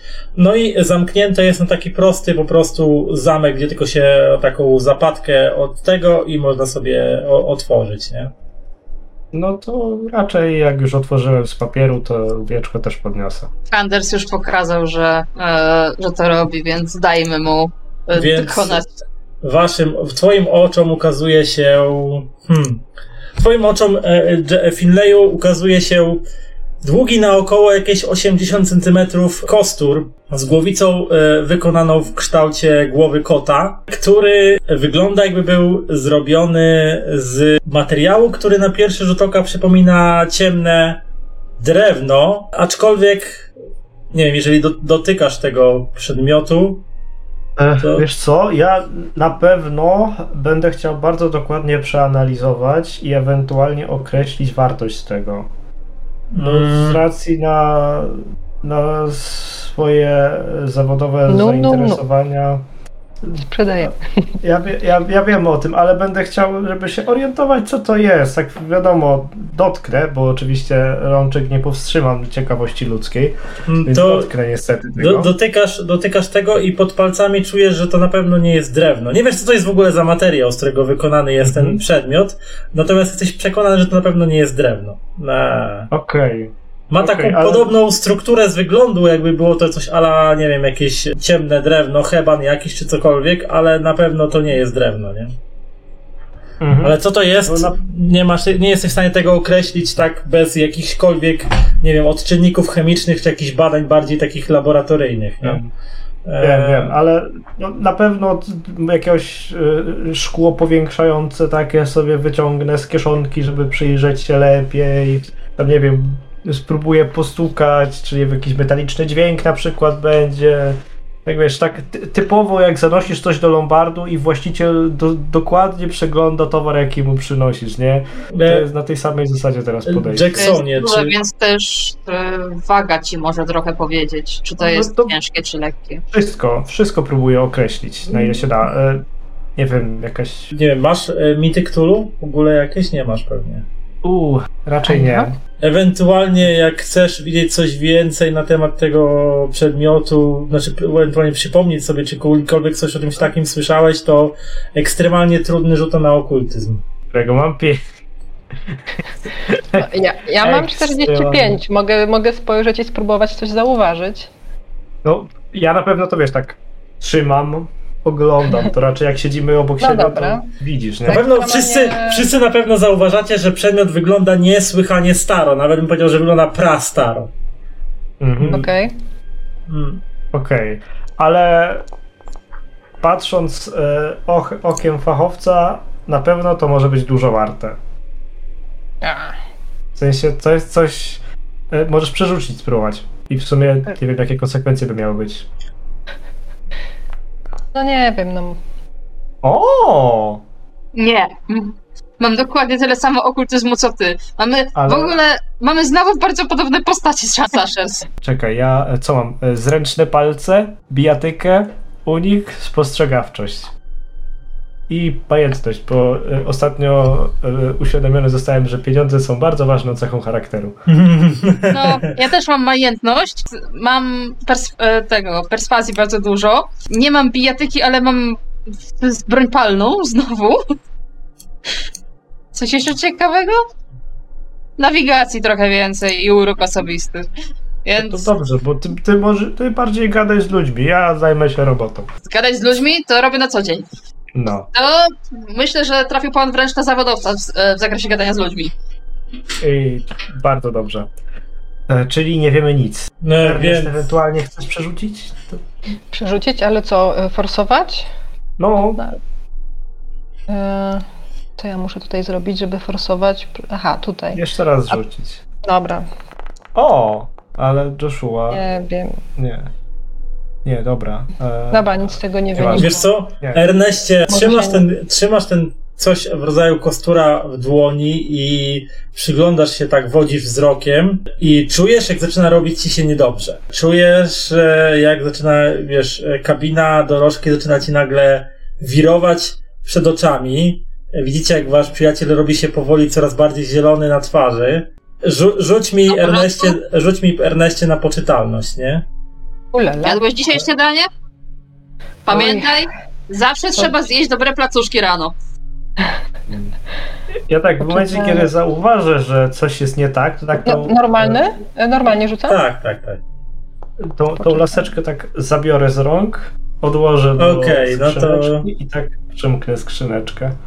E, Kiedy z- ten wzrok już zaczął się tak rozmywać, zaczą, e, Erneście zacząłeś tracić już jakby orientację, e, trochę jakby gdzie się znajdujesz, e, czy jakbyś im bardziej się wpatrywałeś w ten kostur, tym bardziej jakby odpływałeś z tego świata i czułeś się coraz, coraz gorzej, to w momencie, kiedy Finlay zabrał ci go z ręki i schował do skrzyneczki, to po chwili te nieprzyjemne uczucie tych zawrotów głowy ci, ci mija i ten, ten takie roz, rozbieganie, y, ten y, kręcący się dookoła, dookoła kabina dorożki też przestaje, z powrotem wraca do, do, do normalności, nie? I już wasz towarzysz przestaje być znowu zielony, nabiera znowu jego zdrowych kolorów na twarzy i przestaje. Przepraszam panów. Mam, mam tą kopertę, to mogę powachlować troszeczkę e, jaśnie wielebnego, żeby mu e, lepiej się zrobiło. Dziękuję, dziękuję panie Green. Nie wiem, czy to długa podróż, czy może ten wiek, czy może te jednak zapachy londyńskie tak nagle mnie osaczyły, że się dziwnie przez chwilę poczułem. No ale Faktycznie tak? powietrze. Czekajmy pierwszej herbaty i myślę, że będzie panu lepiej. na pewno English breakfast tea to jest to, co, czego mi potrzeba w tej chwili. Mam Mhm. nadzieję, że u Stanleya wszystko w porządku i że będzie nas w stanie ugościć na spoko- i wszystko wytłumaczyć przy filiżance herbaty. Myślę, że będzie o czym rozmawiać, pomijając Tak. to, co działo się na dworcu. On jako specjalista od spraw ezoterycznych i e- szczególnie Egiptu na pewno będzie w stanie nas uświadomić, czym, że jest ten bardzo interesujący artefakt. Egipt. Nie było żadnej bliższej wyprawy jakiejś, nie wiem, do Irlandii. E, musi tych ludzi nieść po całym świecie. Może Anglicy lubią jednak trochę zażyć trochę słońca i Wyrwać się z tej To, blistej e, wy, wyspy, tak? Pan, pan Green w tym momencie tak wymownie opuścił okienko i wychylił się te, e, przez to okienko, patrząc na niebo londyńskie, które jest w tym momencie szare i nie wiadomo, czy zaraz przestanie padać, czy zaraz zacznie padać znowu. Tak podsmuchał trochę, że rodowity Anglii nie do końca wie, czym jest słońce, panie Erneście. No, Myślę, że taka zmiana mogłaby być co najmniej niekomfortowa. Może być nawet e, groźne dla zdrowia. Hmm, oj, tak, tak. Słyszałem o czymś takim jak poparzenie słoneczne. Podobno straszna, straszna dolegliwość. Lepiej nie wychodzić na słońce za dużo. kto by pomyślał, kto by pomyślał. Miejmy Więc, to już za sobą. więc tak trzymacie, któryś z was, Finlay pewnie trzymał na kolanach tą Tak, kolana. paczuszkę e, z tym tajemniczym kosturem. Ernest się pewnie temu przygląda dosyć podejrzliwym wzrokiem. Macie te dwa e, niecodzienne przedmioty w swoich rękach, czyli list oraz ten ów dziwny artefakt, zapewne pochodzący właśnie ze starożytnego Egiptu, tak jak rzekł e, Joshua. I czujecie jak po, nie wiem, pół godziny jazdy, przebijania się przez londyńskie uliczki, dorożkarz smoka i tam pokrzykuje na konie doczepione do tego zaprzęgu i dorożka powoli staje. E, Dorożkarz e, uchyla okienko. Jesteśmy na, na miejscu. Ważne pytanie, czy jesteśmy na miejscu, że nas wkręca? To wystarczy przez okno wyjrzeć. No, To, to robimy! Myślę, No że tak, nawet wyśledliśmy. tak, tak, no wiadomo. No to wyglądając przez okno, no to faktycznie widzicie, że okolica się zmieniła. Wysokie kamieniczki, ciasne uliczki za zamglone ulice Londynu zmieniły się na nieco szerszą, wybrukowaną drogę, więcej nieco drzew, większy prześwit na szare, pochmurne niebo i widok na ogrody przy, przylegające do różnych rezydencji, które się tutaj mieszczą. Ewidentnie zaczęła się ta przedmieściowa e, część Londynu, gdzie właśnie mają swoje rezydencje, co bogatsi mieszkańcy albo jacyś, którzy odziedziczyli te posiadłości z dziada, pradziada na przykład i dzisiaj prze, przetra- utracjusze, którzy przetracają swój majątek Prawie zbudowany. jak w domu. Hmm. Mówi, mówisz to stępując po schodkach dorożki na wybrukowaną ulicę, tak? Nie, nie, nie. Mówię już to stojąc na chodniku i tak rozglądając się, oceniająco, patrząc na kolejne wille, zastanawiając się, która ostatnio była remontowana, a która jest akurat bardziej stara. Wszystkie w tym świetle porannego słońca, które ledwo przebija się przez te zasłony chmur, wyglądają dosyć podobnie i dosyć podobnie ponuro. Innymi słowy, e, sąsiedzi ze sobą konkurują. Jeżeli jeden sąs- sąsiad coś wprowadza, to zaraz wszyscy tam mają. Czyli typowe, typowa wyższa klasa e, miejska tutaj żyje. A. Mhm. Dobrze, łatwo zbijać na nich interesy. Myślę, że idziemy do rezydencji. Okej. Oczywiście, jeżeli coś będzie niecodziennego, nie wiem, ktoś na przykład stoi pod bramą, obserwuje, to raczej bezpiecznie podejdziemy do tego, a nie będziemy, nie będziemy tak na pałę wmaszerowywać od razu. Ktoś nas w ogóle wita, zauważa, czy jakiś czworonóg wyskakuje nam na powitanie? No właśnie, jak już było wam wiadomo, profesor mieszka w dosyć dużej e, wiktoriańskiej rezydencji, która mieści się właśnie na przedmieściach Londynu. I pierwsze co się rzuca w oczy to dosyć duży i mocno zapuszczony ogród. Brama z kutego żelaza, która zwykle zamknięta odgradzała posiadłość Herbera od roztaczającego się wokół Londynu, jest w tej chwili półotwarta. I kiedy zapłaciliście dorożkarzowi, ten pojechał w swoją stronę, to wokół was roztacza się absolutna cisza. Co robicie? No, Zerkam przez bramę. Nie przechodzę jeszcze przez tą ogrodową bramę, ale zerkam po prostu przez nią. Widzisz, widzę tylko więcej zielska, czy coś konkretnego? widzisz więcej i wyraźniej e, ten zaniedbany ogród i widzisz e, brukowany chodnik ciągnący się od bramy aż tam w kierunku znajdujący się głębiej posesji. Ciągnie się on już pod e, schody wchodzące na coś w rodzaju ganku czy też tarasu przed, przed wejściem do posiadłości, przesłoniętej pewnym zadaszeniem, natomiast nic jakiegoś podejrzanego nie rzucać się w oczy, a może właśnie to jest podejrzane, że nic absolutnie nie rzucać się w oczy. Tak samo jak nic nie rzucać się do gardła. Nie ma tu żadnego psa stróżującego, który wypadłby nagle z głośnym szczekaniem przywitać obcych. Tak jak już mówiłem, jest tutaj absolutnie cicho i spokojnie. Widać po tym A. ogrodzie, że Stanley bardziej się zajmował sprawami pozaziemskimi niż ziemskimi. Przyziemny No, to nie był. Zwykle mawiać, że poranna herbata najlepiej smakuje pod, pod liściami dorodnego buka w naszym prywatnym ogródku, ale ten ogródek, choć prywatny i ewidentnie widzę bóg, sprawia wrażenie, że ta herbata mogła nie, nie smakować by tak dobrze. Spokojmy może, zobaczmy, czy w ogóle ktokolwiek rezyduje w środku. Może chociaż pani gosposia będzie coś gotować. No, ja myślę, żebym się rozglądnął tak na zewnątrz, czy jest cokolwiek do, nie wiem, zapukania, jakiś, nie wiem, dzwonek, czy coś Kołatka. takiego. Ten No. listy, listy od Stanleya dostaliśmy do, dopiero co, wzywał, więc wysłał nam je no, parę dni temu. No, pewnie Prawda? Tak. No, myślę, że nawet więcej, może nawet ponad tydzień, bo tam jeszcze kwestia zorganizowania sobie biletu na przejazd i tak dalej, to mogło potrwać trochę dłużej.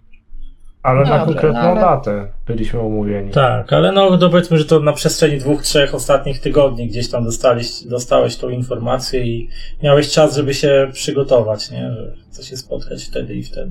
No to jak nie ma nic na bramie, żeby pukać, to ewentualnie... Nie, nie, nie ma, nie ma na bramie. Jest tylko ewentualnie postawiona, znaczy zawieszona skrzynka na listy, metalowa taka, ale jakieś kołatki czy dzwonka, żeby zadzwonić.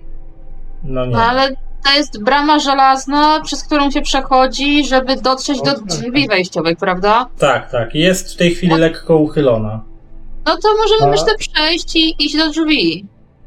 I faktycznie jest tabliczka keep out, czy to tylko tak na zdjęciu? Nie, to tylko taka grafika. Szukałem jakiejś w miarę plonowej Dobrze. rezydencji, taka mi się trafiła. Dobra, bo właśnie zastanawiałem się, A. czy to nie wiem, jakaś puszczona, czy jakaś policja zajęła, czy coś. Ale jak tak, no to jak uchylone jeszcze, to tym bardziej. Ewentualnie bym sprawdził e, tylko, czy skrzynka na liście jest opróżniona. Na ile tam jesteś w stanie wsadzić rękę i pomacać, to nie ma w niej żadnych listów. Mhm. No to, to, to mnie interesuje. Okej, no to myślę, że będziemy się powoli kierować w głąb ogrodu. Ruszacie powoli w kierunku drzwi wejściowych do, e, do rezydencji. Pod waszymi stop, stopami chrzęszczą niezagrabione dobrze liście i jakieś drobne kamyczki, drobny żywirek. Docieracie pod schody wiodące na ten e, półtaras, czy jak to można nazwać, przed wejściem. I widzicie już z tej odległości, że drzwi do, do dosyć mocne, duże dwuskrzydłowe drzwi do mieszkania, do rezydencji Stanleya Herbera są otwarte, a być może nawet wyglądają na wyważone w jakiejś części. No to na pewno chciałbym się porozglądać właśnie, czy są jakieś ślady wskazujące na jakieś konkretne działanie typu e, siłowe włamanie, czy nie wiem, jakieś na zewnątrz coś porozwalane, porozrzucane, no wszystko, co może się podejrzane wydawać, co na cokolwiek nakieruje. To rzuć mi na spostrzegawczość. To nie, no będę forsował. Jaka kara ewentualnie? Wiesz co? Bez kary, bo nie jestem w stanie nic ciekawego wymyślić sobie tutaj. Co, co, ty, co ty robisz? Co mnie ominęło? Poszłam, E, poszedłem roz- tylko sobie po, po zakąskę. Było tak, że podeszliśmy bliżej, drzwi były lekko uchylone, możliwe, że wyważone. Dlatego rozglądam się za wszystkimi jakimiś znakami, co może nam powiedzieć cokolwiek tu się stało już odtąd. To ja się może porozglądam z tobą, Więc skoro tak.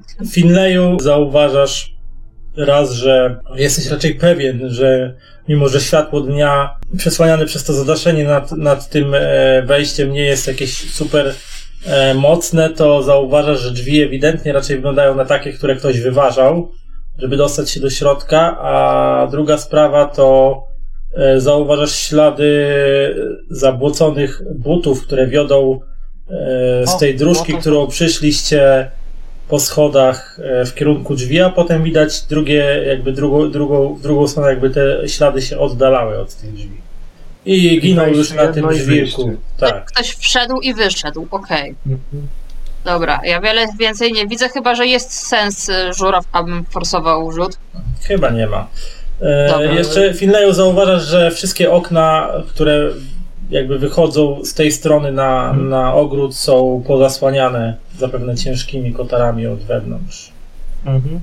E, myślę, że tak bym laską spróbował bardziej uchylić. Nie wiem, czy na zewnątrz, czy do wewnątrz, to tak albo popchnąć laską te drzwi, czy tak właśnie włożyć do środka i tak odchylić, tak żeby mieć lepszą perspektywę. I tak Wiem. jeszcze ewentualnie zapukać w te drzwi, tak halo, panie Stanleyu, jest pan w domu? Więc jak podchodzisz do tych drzwi, popychasz je delikatnie laską, e, one z lekkim skrzypieniem otwierają się do środka. Widzisz, że w środku jest absolutnie ciemno. E, Nie palą się żadne e, światła, żadne, nie wiem, świeczniki, żadne lampy naftowe czy gazowe. Nic takiego nie ma miejsca. I chciałbym, żebyś rzucił na nasłuchiwanie.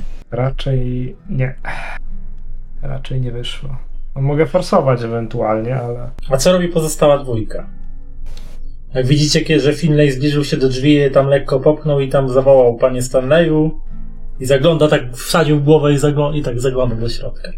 O, Wszystkie inne okna są zasłonięte, tak? Tak, tak, tak.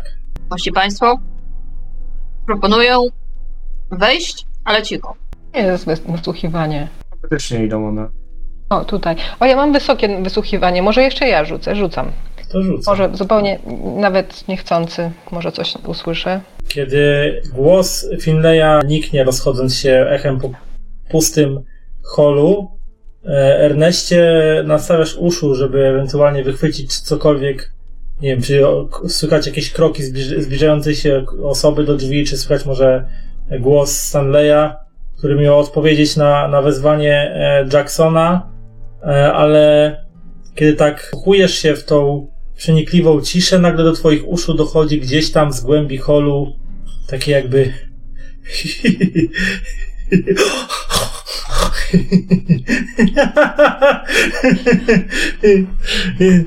Coś takiego to chyba wszyscy usłyszeli.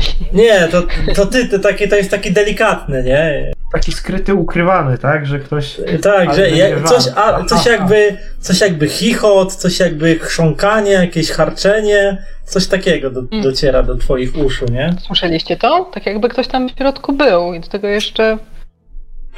O, Słyszeliście ten śmiech? Co? Może panisz mówi najlepszego. Hmm.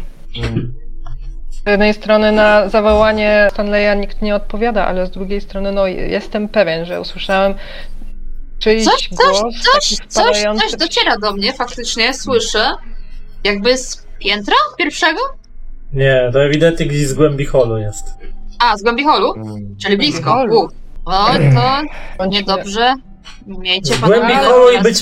Z głębi holu i być może tak bardziej z prawej strony, ale na pewno gdzieś z tego poziomu e, rezydencji. Stanleyu! Jesteś tam? I tego się eju, eju, tam, Eju, am, eju. tak.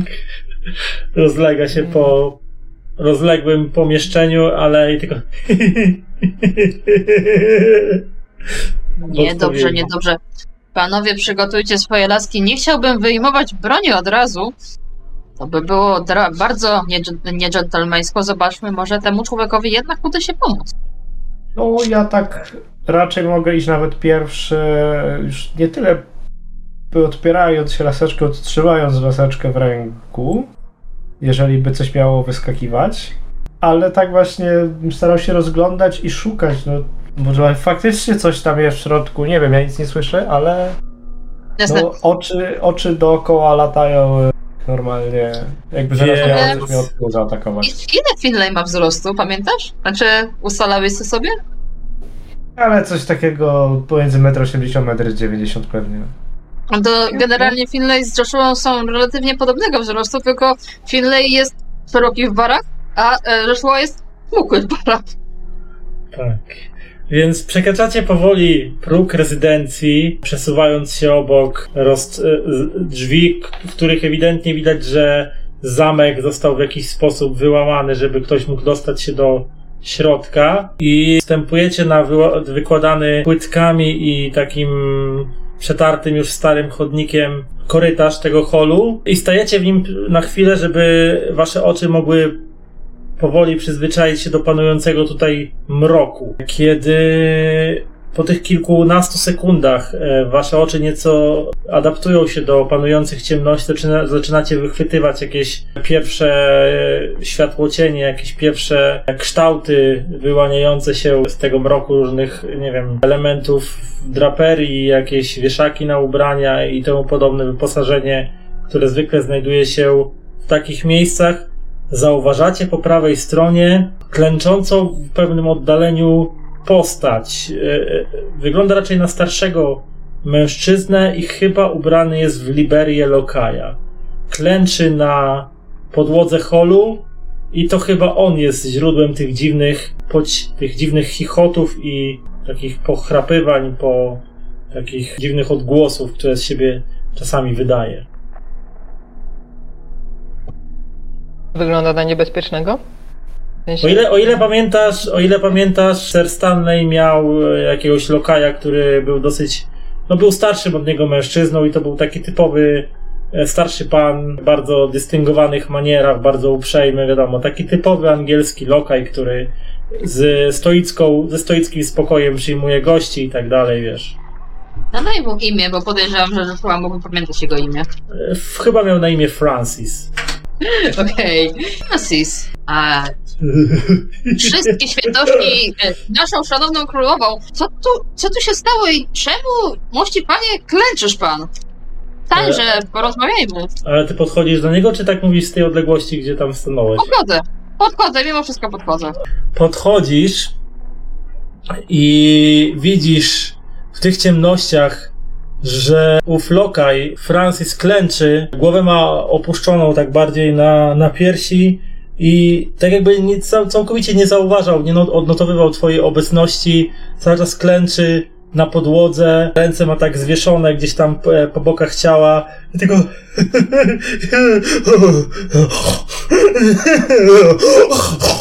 i tak pijesz cały czas tak. Czy nad czymś klęczy, czy klęczy w miejscu? Tak, po prostu klęczy w miejscu, wiesz? Okej, nie ma przed nim nic Widzisz, żadnego. widzisz tylko po, coraz, że tak powiem, z sekundy na sekundę uzyskując coraz lepszą jakość widzenia w tych ciemnościach. Widzisz, że no to jest starszy mężczyzna, ma już taką postępującą mocno łysinę i tylko taki e, wianuszek siwych włosów dookoła, dookoła głowy i on tak z takimi przesuniętymi ramionami do przodu tak siedzi. O, Obejdę go jeszcze, jak coś. Obejdę z każdej strony, żeby zobaczyć, czy może, nie wiem, w twarz mu się coś stało, czy e, z torsu mu coś wycieka. Tego typu rzeczy. Także ocenić wizualnie. To rzuć na spostrzegawczość, ale z kością karną, bo jest tu dosyć ciemno. E, Jest, Ja- sir. Ja tak raczej stanę w miarę blisko niego, ale znowu nie za blisko i będę obserwował, czy nagle nie wykonuje jakichś e, ruchów. W sensie, żeby mu coś nagle nie odbiło, że siedzi sobie szalony, siedzi i nagle rzuci się na kogoś. Postaram się zabezpieczyć sytuację. Mój test jest dany, jak coś. Obchodzisz go delikatnie dookoła, mężczyzna dalej zdaje się w ogóle nie rejestrować twojej obecności, nie reaguje na ciebie, ale jak mu się tak przyglądasz, to wydaje ci się, że chyba coś kapie mu z ust. Że czasami widzisz jakby taka stróżka y, opuszczała jego opuszczoną twarz i spadała e, na podłogę, e, na ten, na ten chodnik przed nim, przy, na którym klęczy. To się czymkolwiek różni od śliny, bo w tym stanie to ślina może mu kapać z ust. Prawdopodobnie jest to ślina. Ogólnie nie jest to dla ciebie jakiś mocno przyjemny widok, nawet byś, bym powiedział, że lekko odrażający, więc jeszcze rzuć na poczytalność. Przesady. Niech ci będzie. Proszę. No Okej, no, nie, zdrygasz się tylko lekko, ale nic więcej się ci nie dzieje. E, Mhm. co robi pozostała dwójka? Ja obserwuję cały czas, pilnuję, żeby nic się nagle nie wydarzyło. Mhm. Staram się, no tak. Trzymam tą laskę tak bardziej na, e, w pozycji, jeżeli się by chciał rzucić, to żeby go zdzielić przez łeb. A Ernest? Ja się zastanawiam, trochę jestem zszokowany. Też jakoś przez mgłę być może pamiętam tego Francisa, może kiedyś tutaj też chyba byłam, więc tak Fran- staram się do niego może odezwać. Francisie, Francisie, co z tobą? Co? Gdzie jest, ale sobie wielebny Ernest to mógłby zacząć się modlić o zdrowie Francisa. Egzorcyzm. tak. Na E, e, Boga! Opa! Dojdź do siebie. Ostatnie namaszczenie. Ty do niego podchodzisz i go dotykasz, czy, czy tylko tak z daleka stoisz i do niego tak mówisz? E, wiesz, mm, dobre pytanie. Wiesz co, no może, a może tak, e, bo myślę, że już go obserwujemy od, od, e, no, chwi- od chwili i, i jak na razie no, wygląda sta, statycznie. No może faktycznie spróbuję do niego podejść, no nie, nie będę go może e, tutaj namaszczać, ale przynajmniej go jakoś tak dotknąć jego ramienia. Tak, żeby z nim nawiązać. Nie, może nie, nie aż tak, ale przynajmniej go delikatnie dotknąć ramienia, żeby po prostu z nim jakiś taki kontakt fizyczny nawiązać, żeby być może to go, jeśli nie głos, to może to go jakoś tam e, sprowadzić do nas. Ale tak E. oczywiście delikatnie to robię i tak powoli, żeby, żeby go nie Mhm. przestraszyć i żeby Ja mieć... bardzo uważnie patrzę, czy faktycznie ten dotyk działa i na przykład zaraz jego ręce Dotyk, który leczy. Erneście. Tak, tak. Więc To, Proszę Dotyk- dokładnie to samo, stoi obok, bo chyba jest bliżej jeszcze, ze względu na to, że już go obszedł. I bardziej obserwuję, czy Francis w amoku nie rzuci się na naszego wielebnego. wielebny Myrtle podchodzi do najwyraźniej jakiegoś, można powiedzieć, nie wiem, obłąkanego, czy jakiegoś przy, przybywającego w niesłychanym szoku lokaja. Delikatnie kładziesz mu rękę na ramieniu i tam wygłaszasz jakąś swoją uspokajającą mowę, kiedy nagle widzisz też tą skapującą buzi nieszczęśnika e, ślinę, kiedy nagle głowa tego lokaja tak podrywa się e, do góry. Przez chwilę krzyżujecie spojrzenia i widzisz w ogóle, że lokaj takie no wiesz, taka twarz wykrzywiona, w ogóle o totalny obłęd w oczach. Widzisz jak ślina cieknie mu gdzieś z kącików ust, spływa mu po brodzie i w ogóle, wiesz, patrzy się na ciebie i widzisz i, i, i wiesz, że on ciebie nie widzi, on nie wiesz, co dokładnie tam widzi tym swoim obłąkańczym wzrokiem, ale zaczyna się tylko głośno i głośniej tylko zaczyna się śmiać i, i harczeć jednocześnie i, i tylko e, czasami takie drgawki przechodzą przy, przy, przez jego ciało, ale i tam wiesz, zaczyna e, go wykrzywiać. Odru, wiesz, odruchowo też wzdrygasz się na, na ten ten i też mi rzuć na poczytalność jeszcze. No tak, trochę się myślę, że ten nagły właśnie ten jego odruch i okrzyk pewnie na pewno mnie tak troszeczkę właśnie od, odrzucił na poczytalność, tak? Normalnie. Erneście, Erneście, takich ludzi to zwykle mawiać, że oni lepiej to odpoczęli E, więc zamkniętym. rzuć D4 jeszcze. D4. Aha, nie wyszło ci? D4. To bardzo. O, krytyczny. Tak bardzo nie wyszło. Wo- Może, rolling. może napluł na twarz. O! I to cztery jeszcze. Widzisz, wiesz, kiedy, kiedy ten lokej tak poderwał głowę i tak spojrzał na ciebie tym swoim szalonym wzrokiem, to po prostu serce momentalnie znalazło ci się w gardle, wiesz, tak odskoczy, widzicie jak e, Ernest tak odskakuje od, od tego mężczyzny, łapie się za klatkę piersiową, taki jakby, wiesz, totalnie się Ja już wystraszył, prawie nie? 50 lat, to, to, to już nie wiem, czy to już chyba nie na moje. To ja cię złapię ram- za ramiona i cię odprowadzę od tego widoku czym dalej. Dziękuję, dziękuję panie Green. Biedny człowiek. E, Fin, Finleju przy okazji rozglądając się uważnie wokół zauważasz, że gdzieś tam w głębi holu e, z lewej strony najprawdopodobniej e, do jakiegoś pomieszczenia uchylone są drzwi, bo widzisz takie lekko mrugające jakby pobłyski jakiegoś światła dobiegającego z wewnątrz tego pomieszczenia. No i oprócz tego w tym holu też znajdują się schody prowadzące na wyższe e, kondygnacje tego budynku. Nie?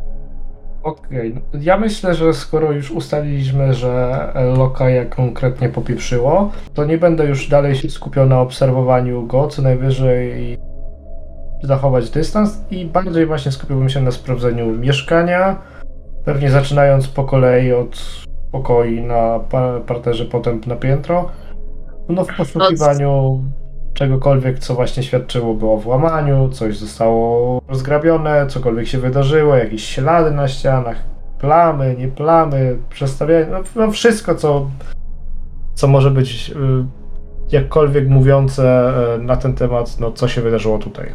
Jasne, Więc to... e, rzu- rzuć na tutaj na spostrzegawczość jeszcze. Cała serce. Ja chciałem tylko zaproponować, że może twoja postać zaczęła się faktycznie rozglądać, moja postać zapytała, co robisz. Twoja postać powiedziała, że zaczynasz się rozglądać. E, Na co Joshua zaproponował, no, może chodźmy po tych śladach, co widzieliśmy je przy wejściu, to przy okazji zobaczymy, gdzie one prowadzą. Okej, Jakie były ślady przy wejściu? Błota. Były. A, bo... Tylko czy w środku są? To jest pytanie. No to rzuć na spostrzegawczość. To ja O. też. Szału nie ma. Czekajcie, zgubiłem spostrzegawczość. Dziękuję, dobrze, przyszukałem na bez alfabetycznie. jakiegoś powodu. Wow, ale weszło. Zarówno Finlay, jak i Joshua zauważacie, że ślady zabłoconych butów ciągną się od wejścia do holu aż po te uchylone drzwi w głębi holu, z których, za których dobiegają te jakby takie rozbłyski migoczącego światła. Pewnie pali się tam jakaś lampka albo jakaś latarnia gazowa, coś może coś w ten, w ten desen, nie? Słychać coś stamtąd, czy tylko Nie. szanownego lokala? Oprócz, Lokaja. oprócz, oprócz e, oszalałego, obłąkanego lokaja w całym domu nic nie, nie słychać żadnych odgłosów. Nie słychać pana Herbera przede wszystkim. Jasne. Przestanowczy przy tych drzwiach. Poglądam się na Ernesta. Poglądam się na Finleya. Tak Chodzimy. Jednym paluszkiem na, e, naciskam na drzwi. Tak lekko je popycham. Być może nawet ze skrzypieniem. Znowu drzwi uchylają się z lekkim skrzypieniem i waszym oczom w migotliwym świetle stojącej na blacie ciężkiego mahoniowego biurka ukazuje się straszliwa scena, gdzie na biurku z roztrzaskaną czaszką z rewolwerem kalibru 44 leżą zwłoki Sir Stanleya Herbera. O, Eee, no. E, na, czy na to ścianie, na ścianie za nim, w tym migoczącym blasku lampy naftowej widzicie rozchlapane, krwawe plamy. To mózg i krew nieboszczyka oznaczyły e, rozpryskiem po prostu efekt działania broni palnej i po prostu znowu rzut na, na poczytalność. Jasne. Jasne, żuraw Eee. już rzucam, tylko ja się potrzebuję dopytać. Czy to jest kaliber 44? Tak, to jest kaliber 44. Tyle? To jest kula? Ale Bo 40... kaliber 44 to są 44 mm. Czyli Tak. 4 cm, 4,5. Rewolwer, tak, może być. Kuźwa. Znaczy, to jest Rewolwer. chyba, y, nie wiem, czy one mają średnicy 44, ale, ale, ale to jest taki ciężki kaliber, tak. No rewolwery niektóre miały pierdolnięcie. No i ja kojarzę rewolwery właśnie z dziewiątką albo dziesiątką, dlatego tak. Nie, są Colt Magnum na przykład, czy coś, są Mhm. takie. No, no. Mi weszło. Dobra, poczytalność zdana, ale to. to, to Ernestowi go nie chowa. weszło, tak? Jak, we, jak ci, co zdali, tracicie e, K, jeden punkt poczytalności, a pan e, Myrtle traci K6 punktów poczytalności. K6? Jeszcze mam Tak. coś rzucać? Tak, tak E, dużo? Ile, ile bo nie zdałaś testu. Mhm. E, Ja bym chciał, no, pierwsze co, to tak po- popatrzeć, Wyjść. czy...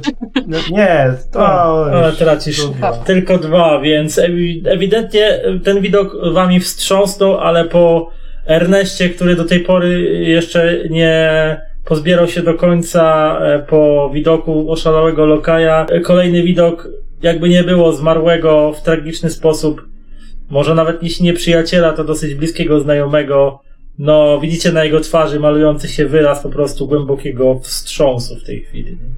W życiu bym nie podejrzewał, że będę tak blisko anatomii ludzkiej. Nie.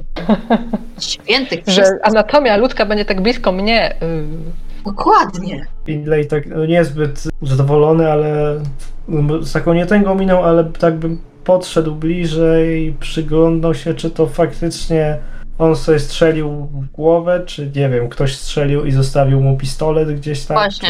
Czy... Jak to Mm, wygląda? To rzut na medycynę, proszę. Uuu, to chyba nie ja. E, zawsze 1%. Tylko Nigdy nie mogę znaleźć. A, tutaj. 1% Nie, jest taki nie, nie. wymowny. O, ej! Szczęście? Cztery szczęścia? Zawsze można wydać. O kurczę, Tak? kto by się Zapła- spodziewał. O, No dobra, to, to biorę to szczęście. Byłam tak blisko, więc myślę, że można Eee, powiem ci, Szczęście. e, Tak, to Erneście, jest szczęście na górze? Gdzie to jest? klikasz na szczęście. i- Tam do, powinnaś klikać na rzucie i wydaj szczęście, coś takiego, wiesz? A, wydaj cztery szczęścia do zaliczenia. Okej, Mhm. Dobrze. Dla was wszystkich, e, a już na pewno dla Ernesta, wygląda to jak typowe samobójstwo. Nie ma tu nic niezwykłego, jeżeli chodzi o wygląd zwłok, czy o, nie wiem, ułożenie pistoletu w dłoni i tak dalej. Ewidentnie Sir Stanley Herbert popełnił samobójstwo.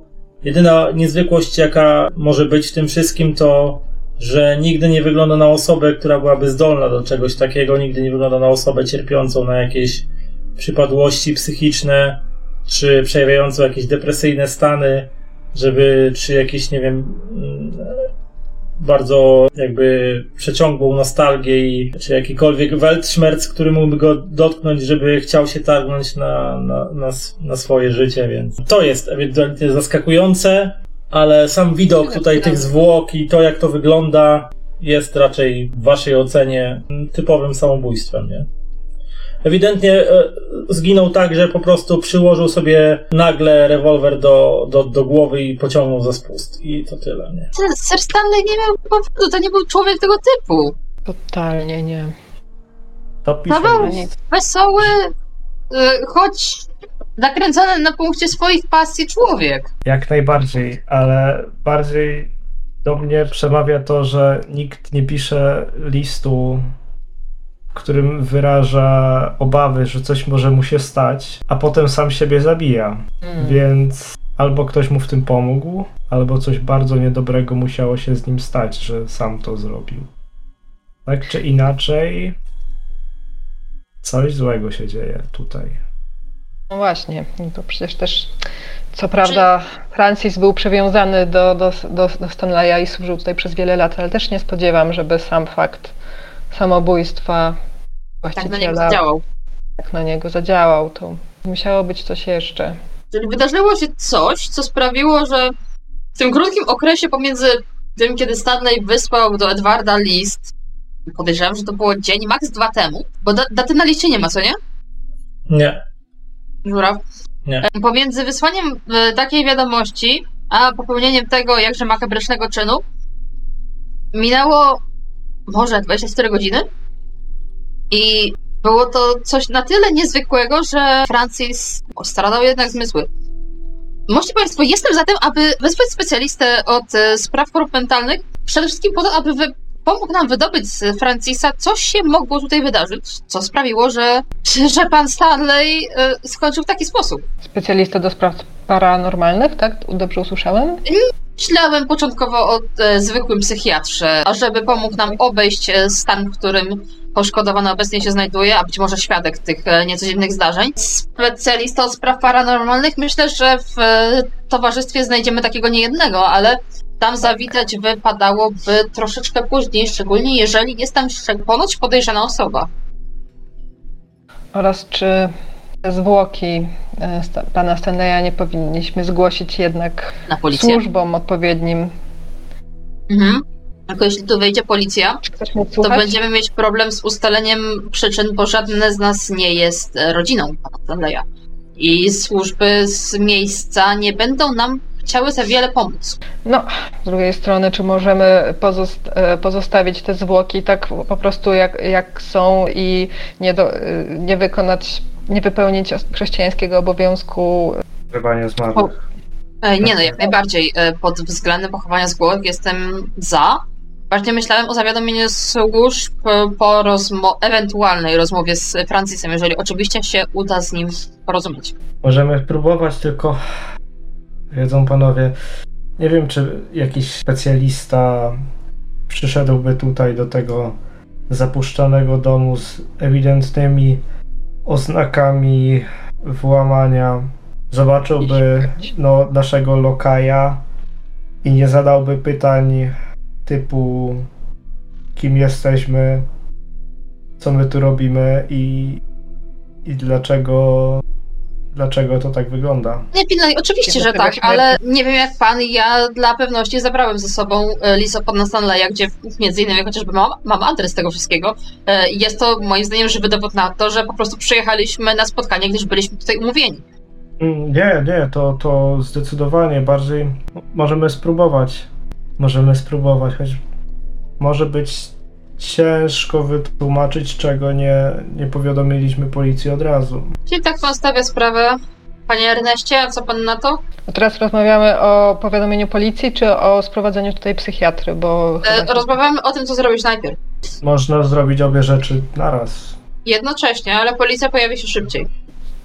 No, Tak, prawdopodobnie. i czy, czy, czy znamy jakiegoś psychiatrę, którego by można tak naprawdę też szybko tutaj sp- spro, sprowadzić i, i, i tajemnicy? Żuraw, czy moje szerokie konotacje społeczne znają jakiegoś psychiatry? E, Rzuć na szczęście. Gdzie jest moje szczęście? Obok umiejętności po lewej stronie. Czemu To jest samej- takie niskie? Na samej. O, ale wystarczające. Tak, znasz na pewno w Londynie przynajmniej jednego jakiegoś psychiatrę.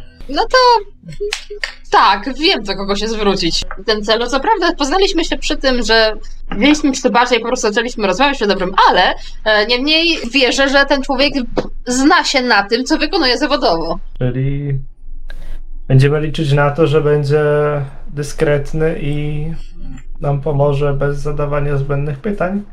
Myślę, że tak. Niech tak będzie. Niech tak będzie.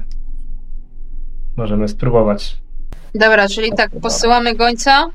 Mhm. I czekamy tu na miejscu. Chyba Czy- tak, sprawdę przed, przed domem proponuję. Mhm. Mm, Czy może e, eksplorujemy dom, skoro i tak stoi otwarty? No, no to na pewno wszystko mm, byśmy przeglądnęli. To możemy tak oszacować, za ile goniec dotrze na adres. Być może dostał dwa adresy ode mnie, jedno na dom, a drugie na e, miejsce pracy, czy tam gabinet, nie wiem, jak, jak, jak ci się to bardziej widzi. I w czasie, kiedy wiemy, że i tak nikt prawdopodobnie nie zawita, to będziemy eksplorować dom, a w momencie, kiedy będziemy się już spodziewać, że ktoś raczej przyjedzie, to wyjdziemy, żeby zobaczyć, czy faktycznie coś się dzieje. Goniec dostał informację do przekazania, że prosimy o wizytę niezwłocznie, że sprawa jest pilna. ASAP. No, ale też należy założyć, że. Mm. w obecnej sytuacji komunikacyjnej, no myślę, że 3-4 godziny zanim ktoś godzin, się no tak, zjawi, tak. to, to raczej. Normalne to wiadomo. Hmm? Dlatego w tym czasie będziemy bardzo dokładnie sprawdzać mieszkanie. Mhm. Ewentualnie y, zastanawiałem się nad zaparzeniem herbaty, ciągnięciu ciasteczek, na tym na tarasie rozłożyć się, w międzyczasie Jezu. posilić. Wyobraź sobie to, Sashers. Mamy wariata w domu, który klęczy i się śmieje. Mamy trupa e, w pomieszczeniu, a my w tym wszystkim siedzimy sobie na ganku, sączymy e, English breakfast tea i e, wstrzymamy ciastka.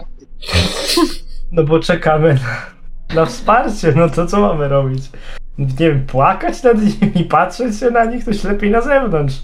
Nie wiem, czy w tych czasach już, już dało się wyjaśnić stres zajadaniem ciasteczek, ale niech będzie. Tak, trzeba to przepić, tak, ewentualnie jak jest... Czyli Jak, szukasz jakaś- ale, albo, e, albo whisky. No, jak, jak będzie jakaś nielegalna, bo wtedy nie wiem, czy prohibicja nie była. choć- Nie wiem. Co? W no. Wielkiej Brytanii?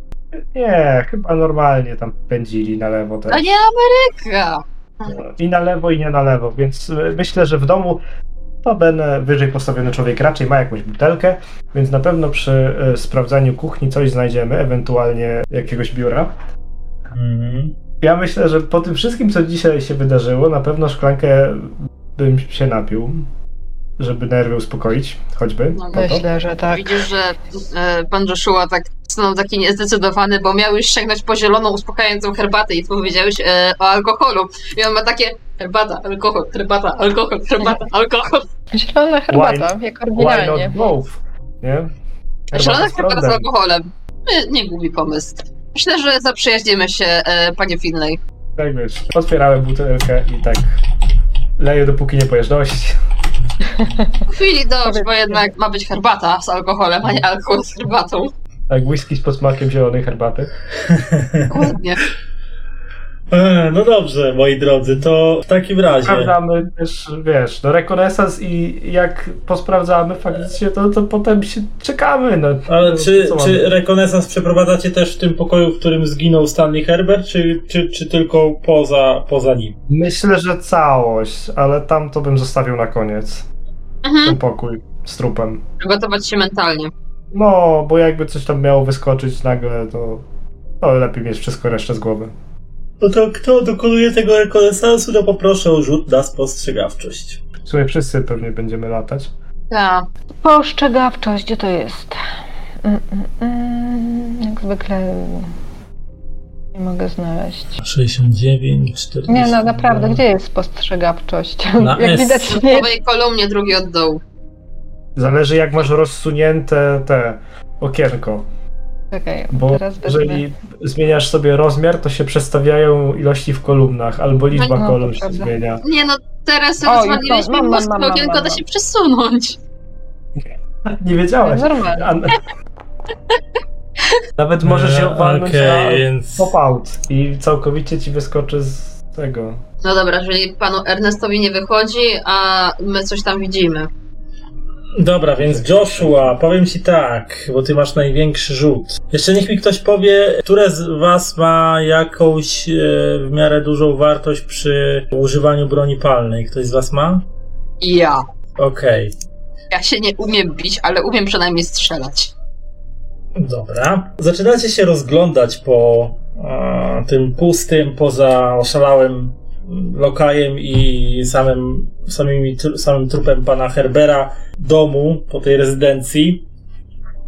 I tknięty jakimś przeczuciem, które gdzieś tam w środku w tobie zakwit, Joshua, zaczęłaś się uważniej przyglądać samemu rewolwerowi, który który tkwił w dłoni zmarłego i postanowiłeś uważnie się mu przyjrzeć. W tym samym czasie ten e, Finlay Jackson zauważasz na framudze drzwi, które prowadziły do tego pomieszczenia. Jak już chciałeś z, nie- z niego wyjść, żeby udać się w głąb domu, zobaczyć, czy coś ciekawego tutaj nie znajdziesz, e, zauważasz odprysk na, na framudze. Kiedy podchodzisz do tego bliżej, zaczynasz się temu przyglądać, zdajesz sobie sprawę, że to nie jest taki zwyczajny odprysk drewna, tylko jest to dziura po kuli. Odwracasz głowę w kierunku biurka i tak, mimo że nie jesteś ekspertem od kryminalistyki czy od y, balistyki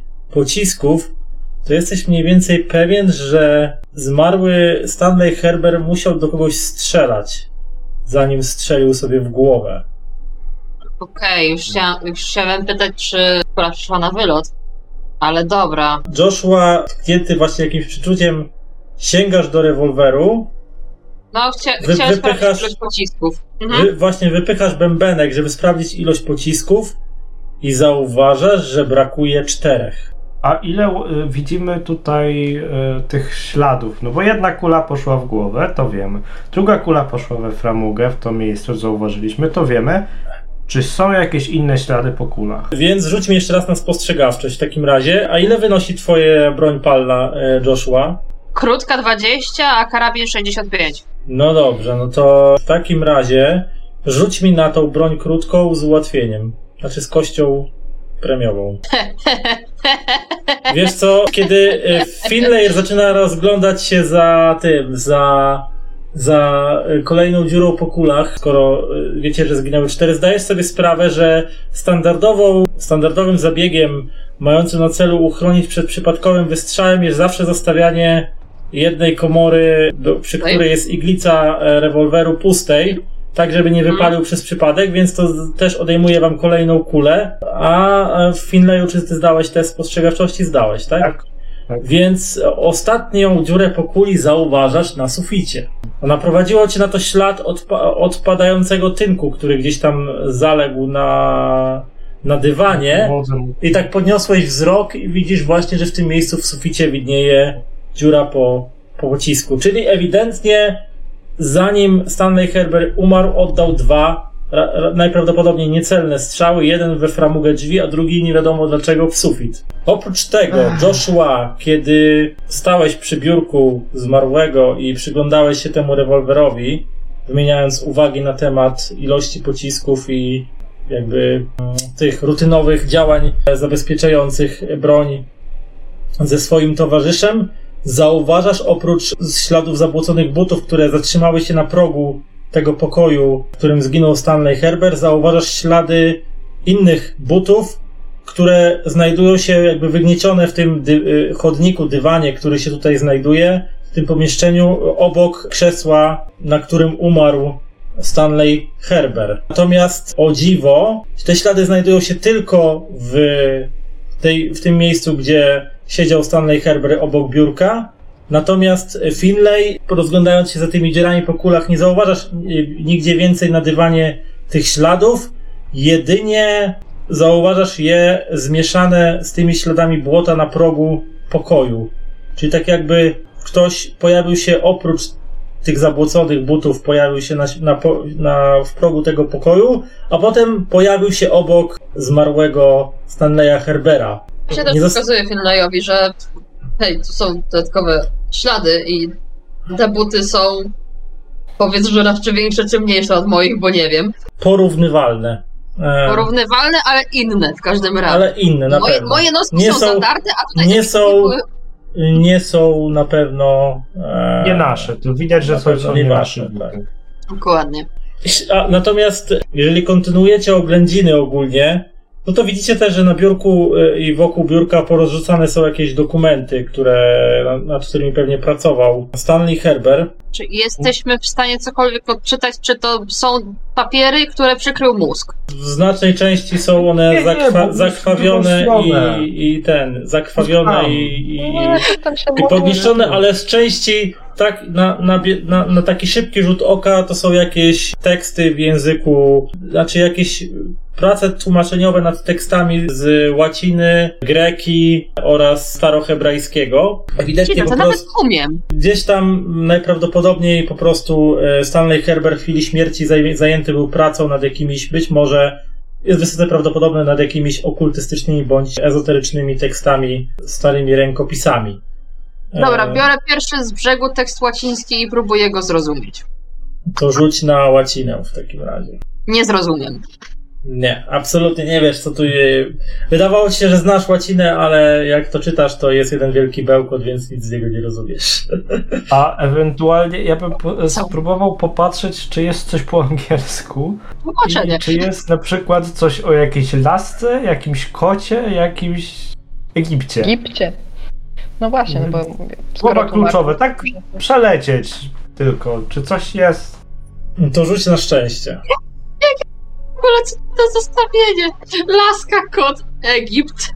Ej, no Wiesz co? powiedz, że e, znalazłeś. Jedna z Właśnie kartek, która była mocniej umazana krwią i niewiele da się z niej odczytać, wydaje się być e, częścią tłumaczenia na angielski tych tekstów w innych językach, które się tutaj e, znajdowały i wychwytujesz może nic na temat Laski czy Egiptu, natomiast wychwytujesz coś na coś e, słowa rytuał i dziecieł gwiazd. Rytuał, przywołanie, przywołanie bądź spętanie, tutaj ciężko powiedzieć, bo jest lekko zachl- zachlapane i dziecieł gwiazd.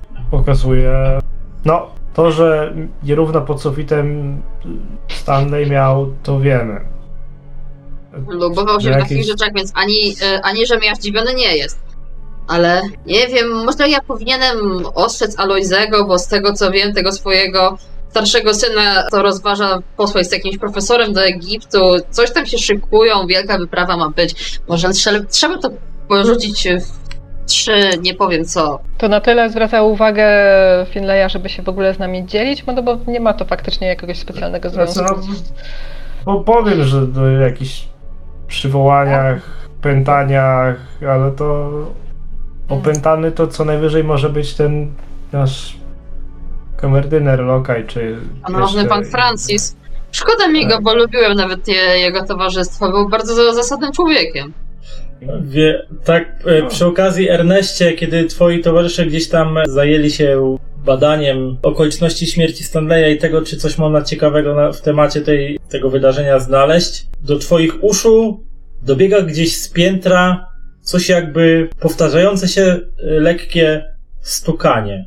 Ale już ten mój słuch i nasłuchiwanie są bystre. Może Lata praktyki w konfesjonale. pewnie tak. Chociaż nie no, w, w mojej akurat, Nie, w moim ma. wyznaniu nie ma. Tak, ale tak, nasłuchiwanie przy ostatnim e, namaszczeniu. Tego też nie ma chyba. Dobra, dobra, stukanie, pukanie to brzmi jak co? Tak jakby ktoś tam chodził, tak jakby było otwarte okno, okiennica, czy to stukanie zegara? y, Czy nie, raczej kojarzy? nie zegar, ani nie jakby chodził, raczej jakieś takie miarowe stukanie, być może okiennica, być może, nie wiem, Przeciąg cokolwiek takiego. góry, tak? Mhm, To panowie, skoro wy tutaj, tak, skoro wy tutaj się rozglądacie, ja może pójdę na górę, coś mm, zo- zobaczę, czy, czy tam coś się dzieje. Mam wrażenie, że jest gdzieś chyba otwarte okno, że słychać jakieś Mm. takie miarowe stukanie, jakby okiennicy może zobaczę o co chodzi. Jakkolwiek nie miałbym nic przeciwko, szanowny Erneście, ale nie rozdzielałbym się teraz. Ten dom mimo wszystko jest duży i mieliśmy wrażenie, że będzie pusty, a tutaj widzimy, że jednak lokaj pozostaje. Mamy jakieś ślady, które wygląda to jakby ktoś przyszedł dosłownie do tego domu i dosłownie wszedł tylko po to, aby skrzywdzić pana Stanleya. Nie chciałbym, abyś szedł tam sam. Jak już mamy gdzieś iść, to chodźmy razem. Co razem, to najlepiej nam wyjdzie.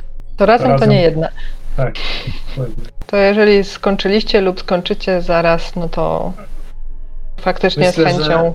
Myślę, że pokój nam nie ucieknie i żaden z przebywających tutaj no, nie spróbuje muszować miejsca zbrodni, więc możemy, Mhm. możemy po prostu zostawić tutaj jak leży i najwyżej wrócimy tutaj. Zbliżacie się do schodów, e, drewnianych schodów wiodących na półpiętro, a później na piętro tego mieszkania. I widzicie, że przy schodach, gdzie kończy się dywan, który zalegał w holu, zauważacie znowu wygniecione ślady jakichś butów, które nie ciągną się od drzwi, jakby, jakby ktoś szedł, tylko po prostu tak jakby pojawiły się wtedy tam w progu pomieszczenia, w którym przebywał Stanley Herbert, a teraz pojawiły się przy schodach. I schody nie są wykładane żadnym dywanem ani żadnym chodnikiem, więc tutaj żadnych śladów nie widać. Więc nawet jeżeli ktoś się wspinał, a miał czyste buty, to nie zostawiał e, na schodach żadnych śladów, ale powoli zaczynacie wspinać się po tych schodach na górę i kiedy na- docieracie na półpiętro, zauważacie, że okno, które prowadziło z tego półpiętra na, na ogród okalający rezydencję jest e, na oścież rozwarte, a jedna z okienic po prostu smagana wiatrem, po prostu delikatnie się kołysze i co jakiś czas, kiedy mocniejszy podmuch wpadnie do mieszkania, to po prostu stuka o, o framugę okna. To jest źródłem tego hałasu. Na szczęście nic gorszego. Już się bałem jakiegoś wisielca zobaczyć. Już dzisiaj za dużo śmierci jak na jeden po... I, i za dużo trupów jak na jeden poranek. Co, wchodzimy dalej w takim razie? No, zobaczyć. Zamknij to okno, proszę, żeby nas nie... Nie robiło nam żadnych przykrości później. Wybaczcie chwilowe odejście. Chciałem tylko się upewnić, czy mojego przyjaciela już nie ma, ale jeszcze trzeba troszeczkę poczekać. Zamknijmy to okno, mi też będzie przyjemniej, bo jestem bez płaszcza. Więc Ładnie. podchodzisz, żeby zamknąć to okno i rzuć proszę na spostrzegawczość. Spostrzegawczość. Nie Czy wychodzi for- coś. For, forsujesz, czy zostawiasz? Lepiej mi wychodzi nasłuchiwanie. Ile mi... mi do, aha. No dobra, mogę spróbować. No spostrzegawczość nie jest jakąś moją mocną stroną. Mogę sforsować. Jak ci się nie uda, to przyskrzypniesz sobie palec i zarobisz jedno obrażenie. Au. Ała. następnym razem gramy w sobotę, zrobię sobie specjalnie placuszki na sesję. Próbujesz, y, znaczy zamykasz, Gdzie jest zamykasz obrażenie? Gdzie to? wytrzymałość sobie, punkty wytrzymałości zmniejsz o jeden. Czyli paluszek wstrząśnięty. Tak, i przytrzasnęłaś, słyszycie tylko głośny jęk i syk, kiedy Ernest, kiedy Ernest zahaczasz o coś przy okazji zamykania, zamykania okna i z bolesnym sykiem się odwracasz. W świetle zapewne jakiejś latarni czy czegoś, co sobie zapaliliście, żeby wędrować po tym domu i przyglądać się rzeczom, widzisz, że e, masz rozcięty palec, ale jest e, też wysmarowany jakimś zielonym czymś. Eee, co to jest? Piecze, jak cholera. Eee, i moje Ja wiem, że starszym ludziom trzeba pomagać, ale troszeczkę samodzielności, panie Erneście. Zresztą, co, co pan tam ma w ogóle? Proszę pokazać. No widzisz, że ma Właśnie, skaleczony, że ma skaleczony palec, a do tego jest obrudzony jakąś taką jakby w jakimś zielonym proszku. No, Proszku, nie, nie mazi. Nie, proszę. Było na, było na oknie? To było na tej okiennicy, którą próbowałem zamknąć? No najwyraźniej. Proszę No iść umyć rękę lepiej. Rana powinna być czysta. Wyjąłem właśnie chusteczkę, żeby Mhm. to trochę zdjąć. Ja To nie wiem, czy pomaga. To jest trochę pieczące jest. Nie wiem, co to jest. Czy ktoś wie, co to może być? W kolorze zielonym? Proszę. proszę, pr- proszę to ściągnąć z palca nawet. Finleju, podaj no, e, latarnię, bo wiem, że dzierżysz. No, na pewno będę Tak. chciał popatrzeć, co to parzącego na oknie może być. Tak pewnie przykusujemy oboje. No, musicie przykusać, bo to okno jest na tyle, że wiecie, że jak otworzycie, to akurat dolna część to jest tak na wysokości waszych. Pępków, czy tam pasa. Czy otwieracie z portem to okno i przyglądacie się dookoła framudze i zauważacie na dole faktycznie, e, na dole jest, już teraz tak trochę rozsmarowane bardziej po, po tym drewnie, jest taki jakby jakiś taki zielony nalot, jakby komuś się rozsypał jakiś proszek, taki w kolorze zielonym, taki konsystencji takiego pudru, coś takiego, nie? E, Wiesz co? Ja, ja bym tak wyciągnął jakąś chusteczkę, je- jedną schowaną w płaszczu, tak przetarł ten proszek, żeby pobrać próbkę, a potem to tak, tak no popatrzyłbym, co to jest, czy coś się dzieje z materiałem. Nie, nie materiał się zabrudził. Jeżeli byś chciał coś więcej wiedzieć o proszku, to albo musiałbyś rzucać na chemię albo na okultyzm. Dlatego mam, z- mam na materiale chusteczkę sobie zwinę tak, żeby proszek pozostał na chusteczce i włożę to do płaszcza. Pan Green jest e, troszeczkę bardziej odważny, może przez to też troszeczkę bardziej głupszy, ale myślę, że jednak bardziej odważny niż głupszy, ponieważ e, proszek jest zielony, a on ma na nazwisku Green, to on sobie weźmie ten proszek na mały paluszek, żeby sprawdzić, e, jak on na to zareaguje. No, wziąłeś sobie troszeczkę proszku na, na palec, no i masz teraz trochę brudny palec. Ale nic się nie dzieje, nie piecze. Nie piecze w każdym razie. Nie, nie, widocznie po prostu piekło dlatego, że dostało się do rany, ale, ale nie, wdziąsło może. samo z siebie nie jest piekące, nie? Nic mi to nie robi, to wygląda w ogóle jakiś odbrysk na farbie, może to jakaś rdza czy coś? Rdza, Uj. panie Green. Rdza zazwyczaj jest brunatna. No, A różnie, panie Finlay. E, może Jeżeli to jest ten nalot, ale- co jest na dachu, to dach potrafi już- się po, To już nie, taką to już nie jest, to już nie rdza, tylko patyna wtedy. Y, Dokładnie, to już jest miedź, to jest inny, inny materiał. Dobra, mój błąd, przepraszam i będę pamiętać na przyszłość. Tak, tak, tak. Ale tak samo to proszek? W ogóle w jakim dokładniej miejscu to, to było? Czy to w sensie O tu. ten proszek? No, o tu, nie? Wiesz, to tak mniej więcej na środku, tak na środku okna, nie? Tak jakby, nie wiem, ktoś coś wysypał Ale- albo przez przypadek. Ale właśnie to jest tak, że o, otwierasz okno, patrzysz w dół i tam pod oknem od dołu jest ten nalot, Nie, tak? to na, na, na framudze, nie? Jak otworzysz okno, to tak jakby, to, jakby ktoś, nie wiem, bo okno się otwierało do środka, więc to jakby po otwarciu tego okna, nie wiem, ktoś zo- zostawił albo rozsypał jakoś troszkę tego proszku, nie? Na, na tym. Prawdopodobnie to była jakaś taka kupeczka, nieduża, Okej. ale w Ja momencie zamknięcia, zamknięcia okna po prostu się tam roz, rozsmarowała pod, pod skrzydłami po prostu okna. Tak została bardziej wtarta w to drewno, nie? Spoko, spoko, dobra. Nie wiem, co to jest. Może koledzy naszego drugiego już dzisiaj Denata będą wiedzieli, co to za proszki. Ale tak pewnie wyciągnąłbym zegarek i sprawdził godzinę, która jest, czy możemy się za, za niedługo spodziewać. No, myślę, że że jesteście, ja wiem, w dwóch trzecich tego czasu, Przeglądu. Dobra. spodziewa- w którym spodziewaliście się przybycia, wezwaliście tylko tego, psychiatry, czy jeszcze policję też. Tak, tylko Psychiatrę, ale ponieważ jesteśmy w dwóch trzecich, to co pan na to, panie Finlay, przepraszam, a żeby teraz właściwie e, wezwać służby mundurowe też przy okazji. Będziemy mieć trochę czasu jeszcze? Można to zrobić z prostym wytłumaczeniem, że nie wchodziliśmy głębiej, zobaczyliśmy tylko, że lokaj ma znaczne problemy ze sobą, a no nie chcieliśmy jako porządni obywatele tak, Pozostawić go. tak to, znaczy nawet nie tyle, co nie chcieliśmy jako porządni obywatele chodzić po cudzym domu i sprawdzać, co jest w środku, co właśnie robimy. No ale z racji tego, że mieliśmy bardzo dużo czasu i nie Hmm, mogliśmy znaleźć naszego towarzysza, to w końcu zawędrowaliśmy i zobaczyliśmy. I wtedy oczywiście od razu powiadomiliśmy służby. No, że musiało Można- nam zejść. Równie dobrze mogliśmy e, przejść od razu na piętro, szukając naszego przyjaciela. Podejrzewając, że ponieważ są to godziny poranne, to jeszcze może spędzał czas w sypialni, bądź dopiero porządzał się i dopiero po dłuższym czasie poszukiwania znaleźliśmy go w tak nie najlepszej sytuacji. Tak, tak, tak. Więc myślę, że można, tylko w jaki sposób tutaj się zawiadamia policja? No właśnie, tak naprawdę. I tego się dowiemy, co nie wiedzieliśmy na początku. Czy pan Stanley ma telefon? Tak, miał.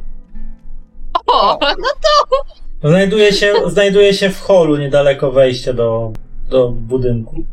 To myślę, No że to- urządzenie spełni swoją funkcję. Tak. Ale czy na pewno, y, czy chcemy już tą policję, tą policję wezwać? Bo tak, czekamy jeszcze na psychiatrę. Psychiatr, później nie wiadomo jak, jak szybko psychiatra przyjedzie, a jak szybko przyjedzie policja i czy psychiatra będzie chciał e, być obecny, kiedy przyjedzie policja, no bo to będzie dodatkowa osoba, no właśnie, osoba, która w sumie jest zupełnie bez, bez związku, a nie wiem, czy Oj. będzie chciał ryzykować Mhm. przesłuchania jakieś, które mu są zupełnie niepotrzebne, a tak naprawdę bardziej kurtuazyjnie tutaj przyje, przyjedzie, żeby, żeby nam tutaj coś pomóc. Czyli innymi słowy, już sugerujesz Erneście, ażeby pozwolić później panu Alfredowi sobie pojechać. I dopiero wtedy wzywać e, służby. Mm, Myślę, że tak. I tak naprawdę, no póki. Znaczy, inna sprawa, że też tak się zastanawiam, że jeżeli już w tej chwili policja bada sprawę biednego pana Edwarda na, na dworcu, czy, czy policja też sama tutaj nie, nie, nie trafi dzi- jeszcze dzisiaj jako, jako do osoby związanej z, e, z Denatem, więc też się zastanawiam, czy. No, sam, się, sam się waham, bo jest tutaj kilka różnych aspektów tej sprawy i, i, i co nas bardziej skompromituje ewentualnie w oczach e, policji, Okej. co nam może bardziej zaszkodzić. I Żuraw, powiedz mi, bo jak cię zrozumiałam, e, mamy około godzinę do przybycia psychiatry już dostał imię Alfred. Czy policja to w ciągu też godziny czy na, pe- na przykład dodatkową godzinę jeszcze im to zajmie? Jak to czasowo widzisz? Gdybyśmy teraz Oni zawiadomili komputer. telefonicznie, i jaka byłaby różnica e, w okresie? No, na i te- pewno I teraz ja na pewno mogę powiedzieć, jako przestępca działający w Londynie, na pewno mam jakieś pojęcie, jak długo zejdzie policji dotrzeć w dane miejsce. Znaczy, jeżeli, jeżeli zawiadomicie, że jest tu ciało, czy że jest podejrzenie morderstwa, to postarają się z, z, przybyć jak najszybciej, nie? Już w tym momencie dysponują pojazdami mechanicznymi, więc prawdopodobnie przybędą jakimś tam pojazdem mechanicznym, więc pewnie no godzina Albo to nawet jest konno szybko. Albo konno, jeżeli z, z, z jakiegoś bliskiego posterunku, no to pewnie godzina to jest t- taki maks raczej, pół godziny prędzej, między pół a godzinę mniej więcej pewnie im zajmie. Ewentualnie zawiadomić, że nie możemy znaleźć naszego znajomego, z którym mieliśmy się spotkać dzisiaj. Ale to raczej znając procedury Scotland Yardu, to ci każą się zgłosić na posterunek. Czyli okej, trzeba ich y, popędzić. No to najwyżej później zadzwońmy. Trudno.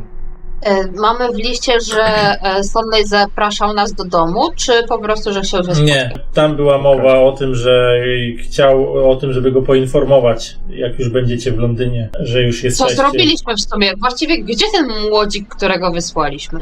Tutaj do domu. Prawdopodobnie szedł na nogach, a nie jechał karetą. Czyli on to dopiero doszedł?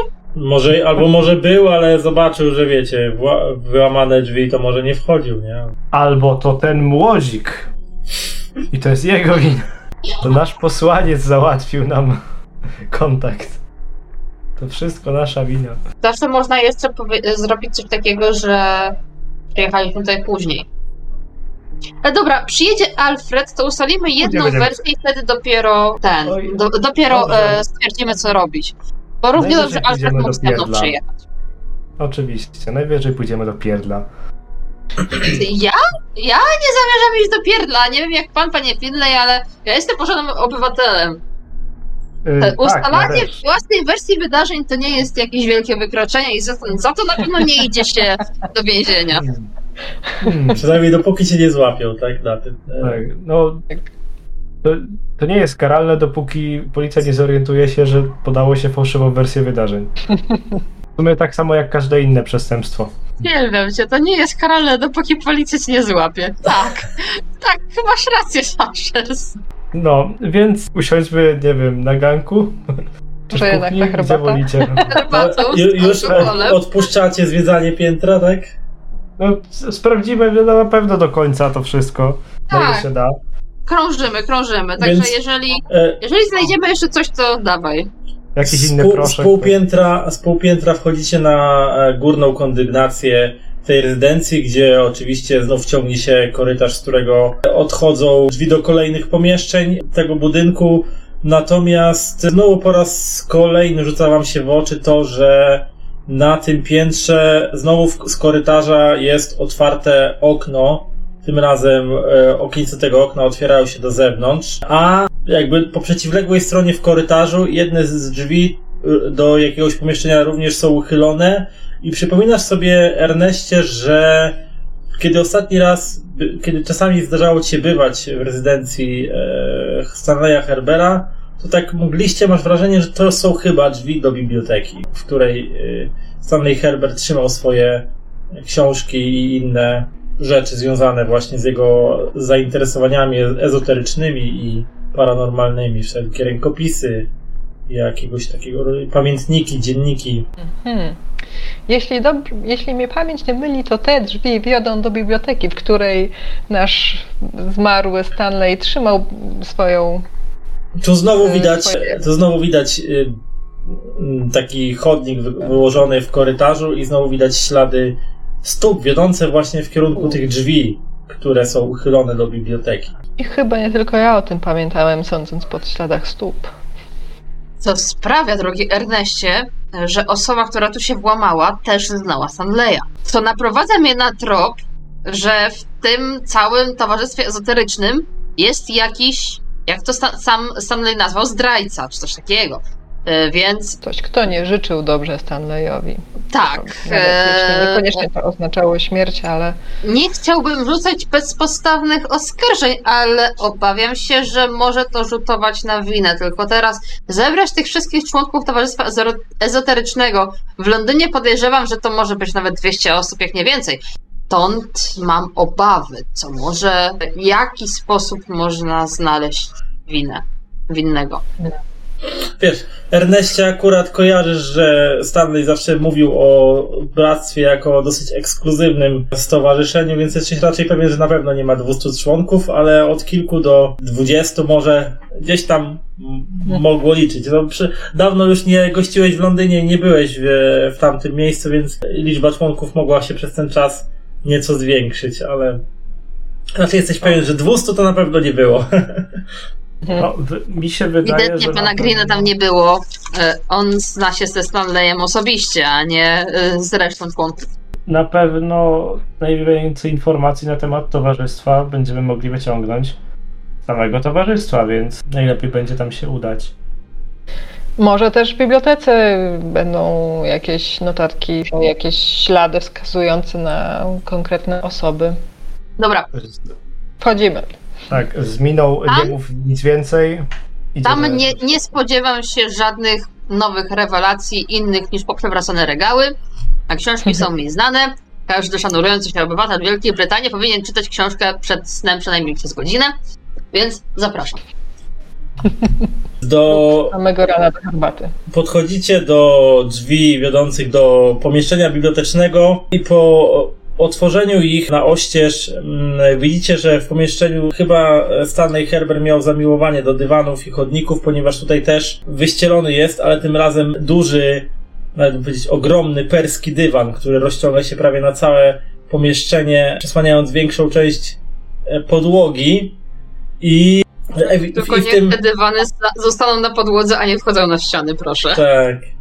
I w tym perskim, i w tym perskim dywanie widać e, bardzo mocno odciśnięte ślady, które wiodą do jednej z półek w regałach, tutaj licznie stojących i biblioteczkach. I wbrew temu, co zakładałeś, nie ma tutaj jakiegoś bałaganu, czy nie wiem, śladów przeszukania. Po prostu e, chyba ktoś wiedział, gdzie szukać, po prostu do konkretnej półki jest ślad i on wiedzie potem z powrotem i urywa się na progu pomieszczenia.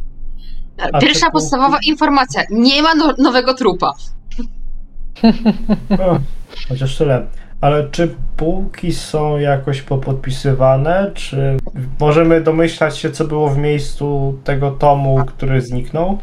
Jeżeli półki nie są popodpisywane, czy którykolwiek z nas kiedyś mm, doświadczył tej przyjemności rozmawiania ze Stanleyem osobiście w tym konkretnym miejscu i że Stanley chwalił się co, co gdzie To trzyma? je, jedyną, jedyną taką osobą to je, w tym towarzystwie to jest Ernest, który kiedyś pamięta, że byłeś tutaj, ponieważ właśnie e, Stanley, Stanley e, chwalił ci się jakimiś poszczególnymi, może nie eksponatami, ale elementami swojej biblioteczki.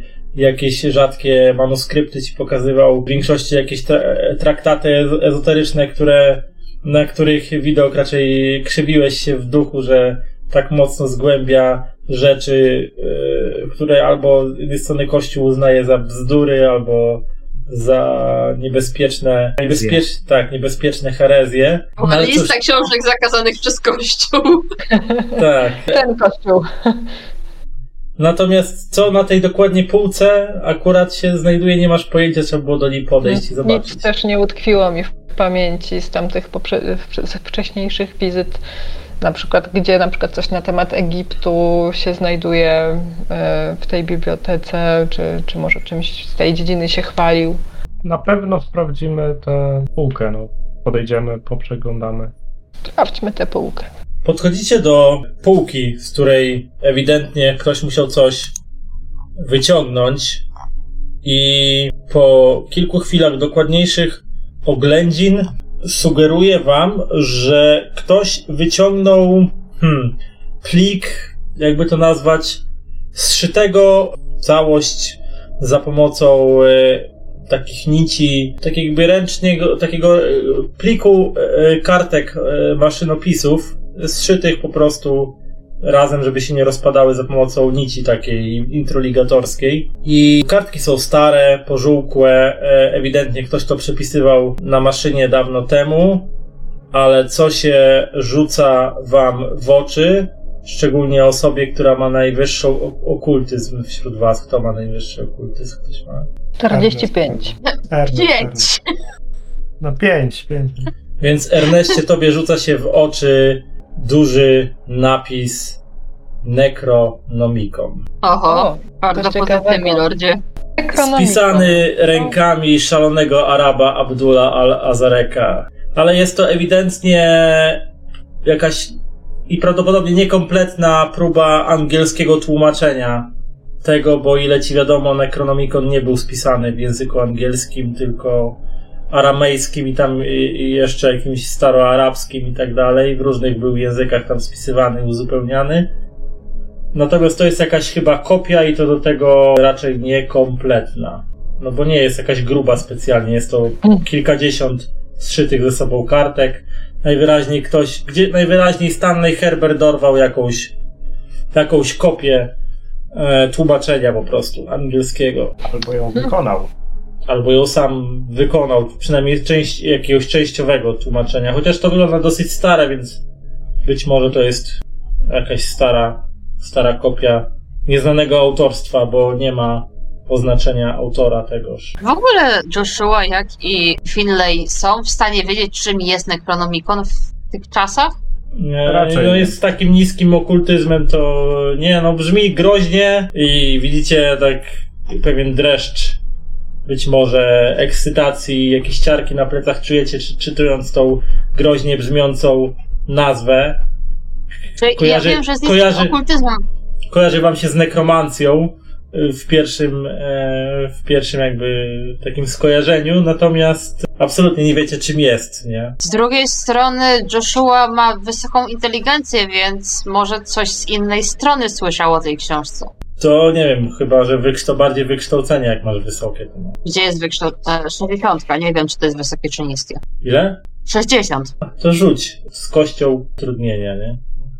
Dobra, to ja mam 64, też rzucę. No nie, nie, mimo wszystko nie te rejony.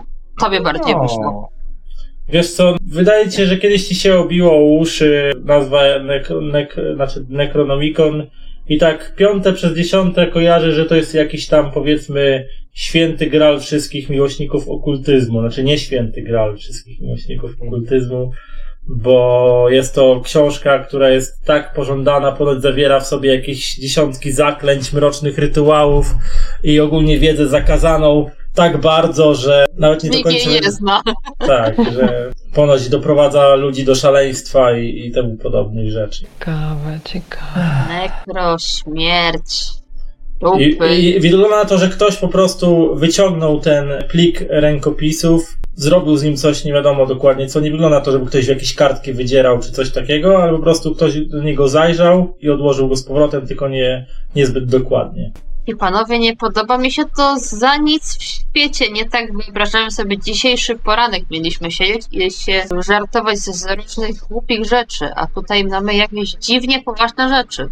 No tak, dwa trupy jak na jeden dzień to dziwnie poważne sprawy.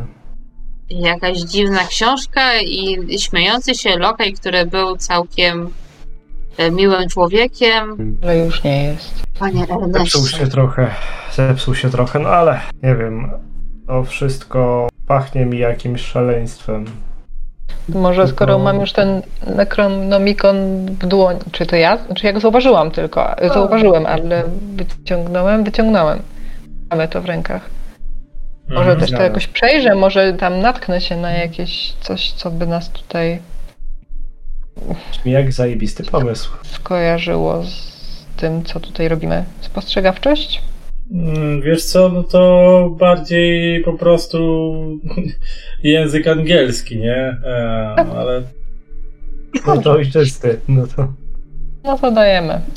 wiesz co, jest to mnóstwo, tutaj jest różnych zapisków o rzeczach bardzo jakichś tam e, według ciebie bluźnierczych, o jakichś istotach zwanych wiecznymi, znaczy tymi e, wielkimi przedwiecznymi, o jakichś bogach zewnętrznych, e, wielkich bogach, jakieś przewi- przewijają ci się jakieś nazwy typu Azatot, e, Joksotot, e, jakiś Cthulhu, coś dziwne. Są tu dziwne jakieś niby zaklęcia, jakieś inkantacje, ale tak raz, rozpisane nieco czasami bełkotliwym językiem, z jakimiś znakami zapytania, wielokropkami, jakby ktoś nie do końca wiedział, jak coś przetłumaczyć, być może z tego języka, z którego przepisywał. Mm, Wygląda na to, że tu, tutaj no takie jakieś okultystyczne teksty są czasami jakieś ozdobione jakimiś odręcznymi wykresami, dziwnymi, wykrzywionymi pentagrami, jakimiś symbolami, które tkną na pierwszy rzut oka jakąś czarną magią dla ciebie, natomiast nie masz zielonego pojęcia do czego służą, nie? Ale trzeba, trzeba by było poświęcić sporo czasu, żeby się zapoznać z treścią tego, no tak, no typ, jakaś okultystyczne zapiski, mocno takie, mocno, mocno okultystyczne. Teraz mniej podoba mi się ta wizyta. No ale nic, e, chyba za niedługo pojawi się ten mój znajomy. No i właśnie kiedy mówisz te właśnie słowa, to słyszycie z holu takie odległe ding, ding. No to myślę, że Joshua ruszył w tamtym kierunku. Już może rozmowę z psychiatrą sobie zostawimy na następny raz, bo... Tak, więc 15 schodzisz, e, schodzisz, do, schodzisz do holu i uchylasz drzwi do e, rezydencji Stanleya Herbera i w progu, na progu stoi ubrany w tweedową marynarkę i tweedowe spodnie, dzierżąc swoją tradycyjną torbę lekarską. Jaką się nazywa? Alfred, Alfred Stokes, twój znajomy psychiatra. Dobra.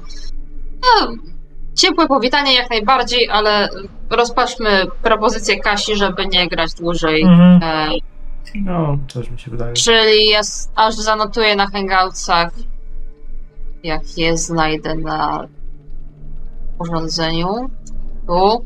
Fazę rozwoju możesz wrzucić, żeby nie A, zapomnieć. dobra, no dobra, spoko właśnie, dobrze, że mówisz. Fazę rozwoju włączona, dobra, możecie sobie rozwijać postaci.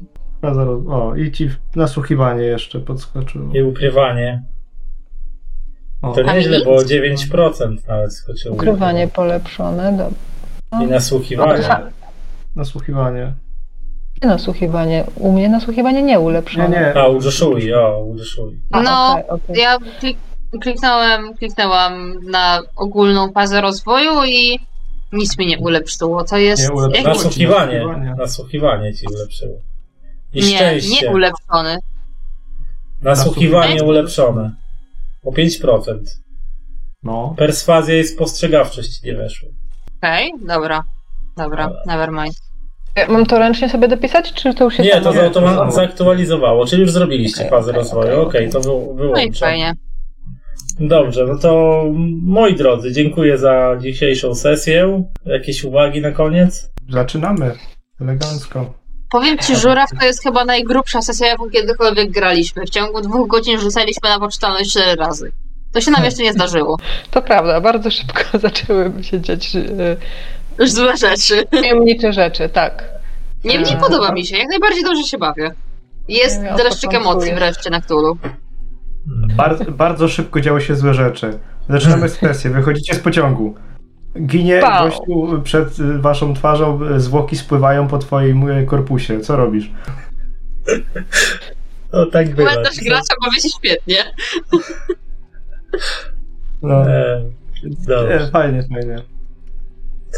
To dobrze, no to żeby nie przeciągać e, drodzy gracze, dziękuję Wam za udział i do zobaczenia. Mam nadzieję, że stosunkowo wkrótce, e, ale różnie może z tym być. Pozdrawiamy Matsunoki i pozdrawiam Beatę na czacie.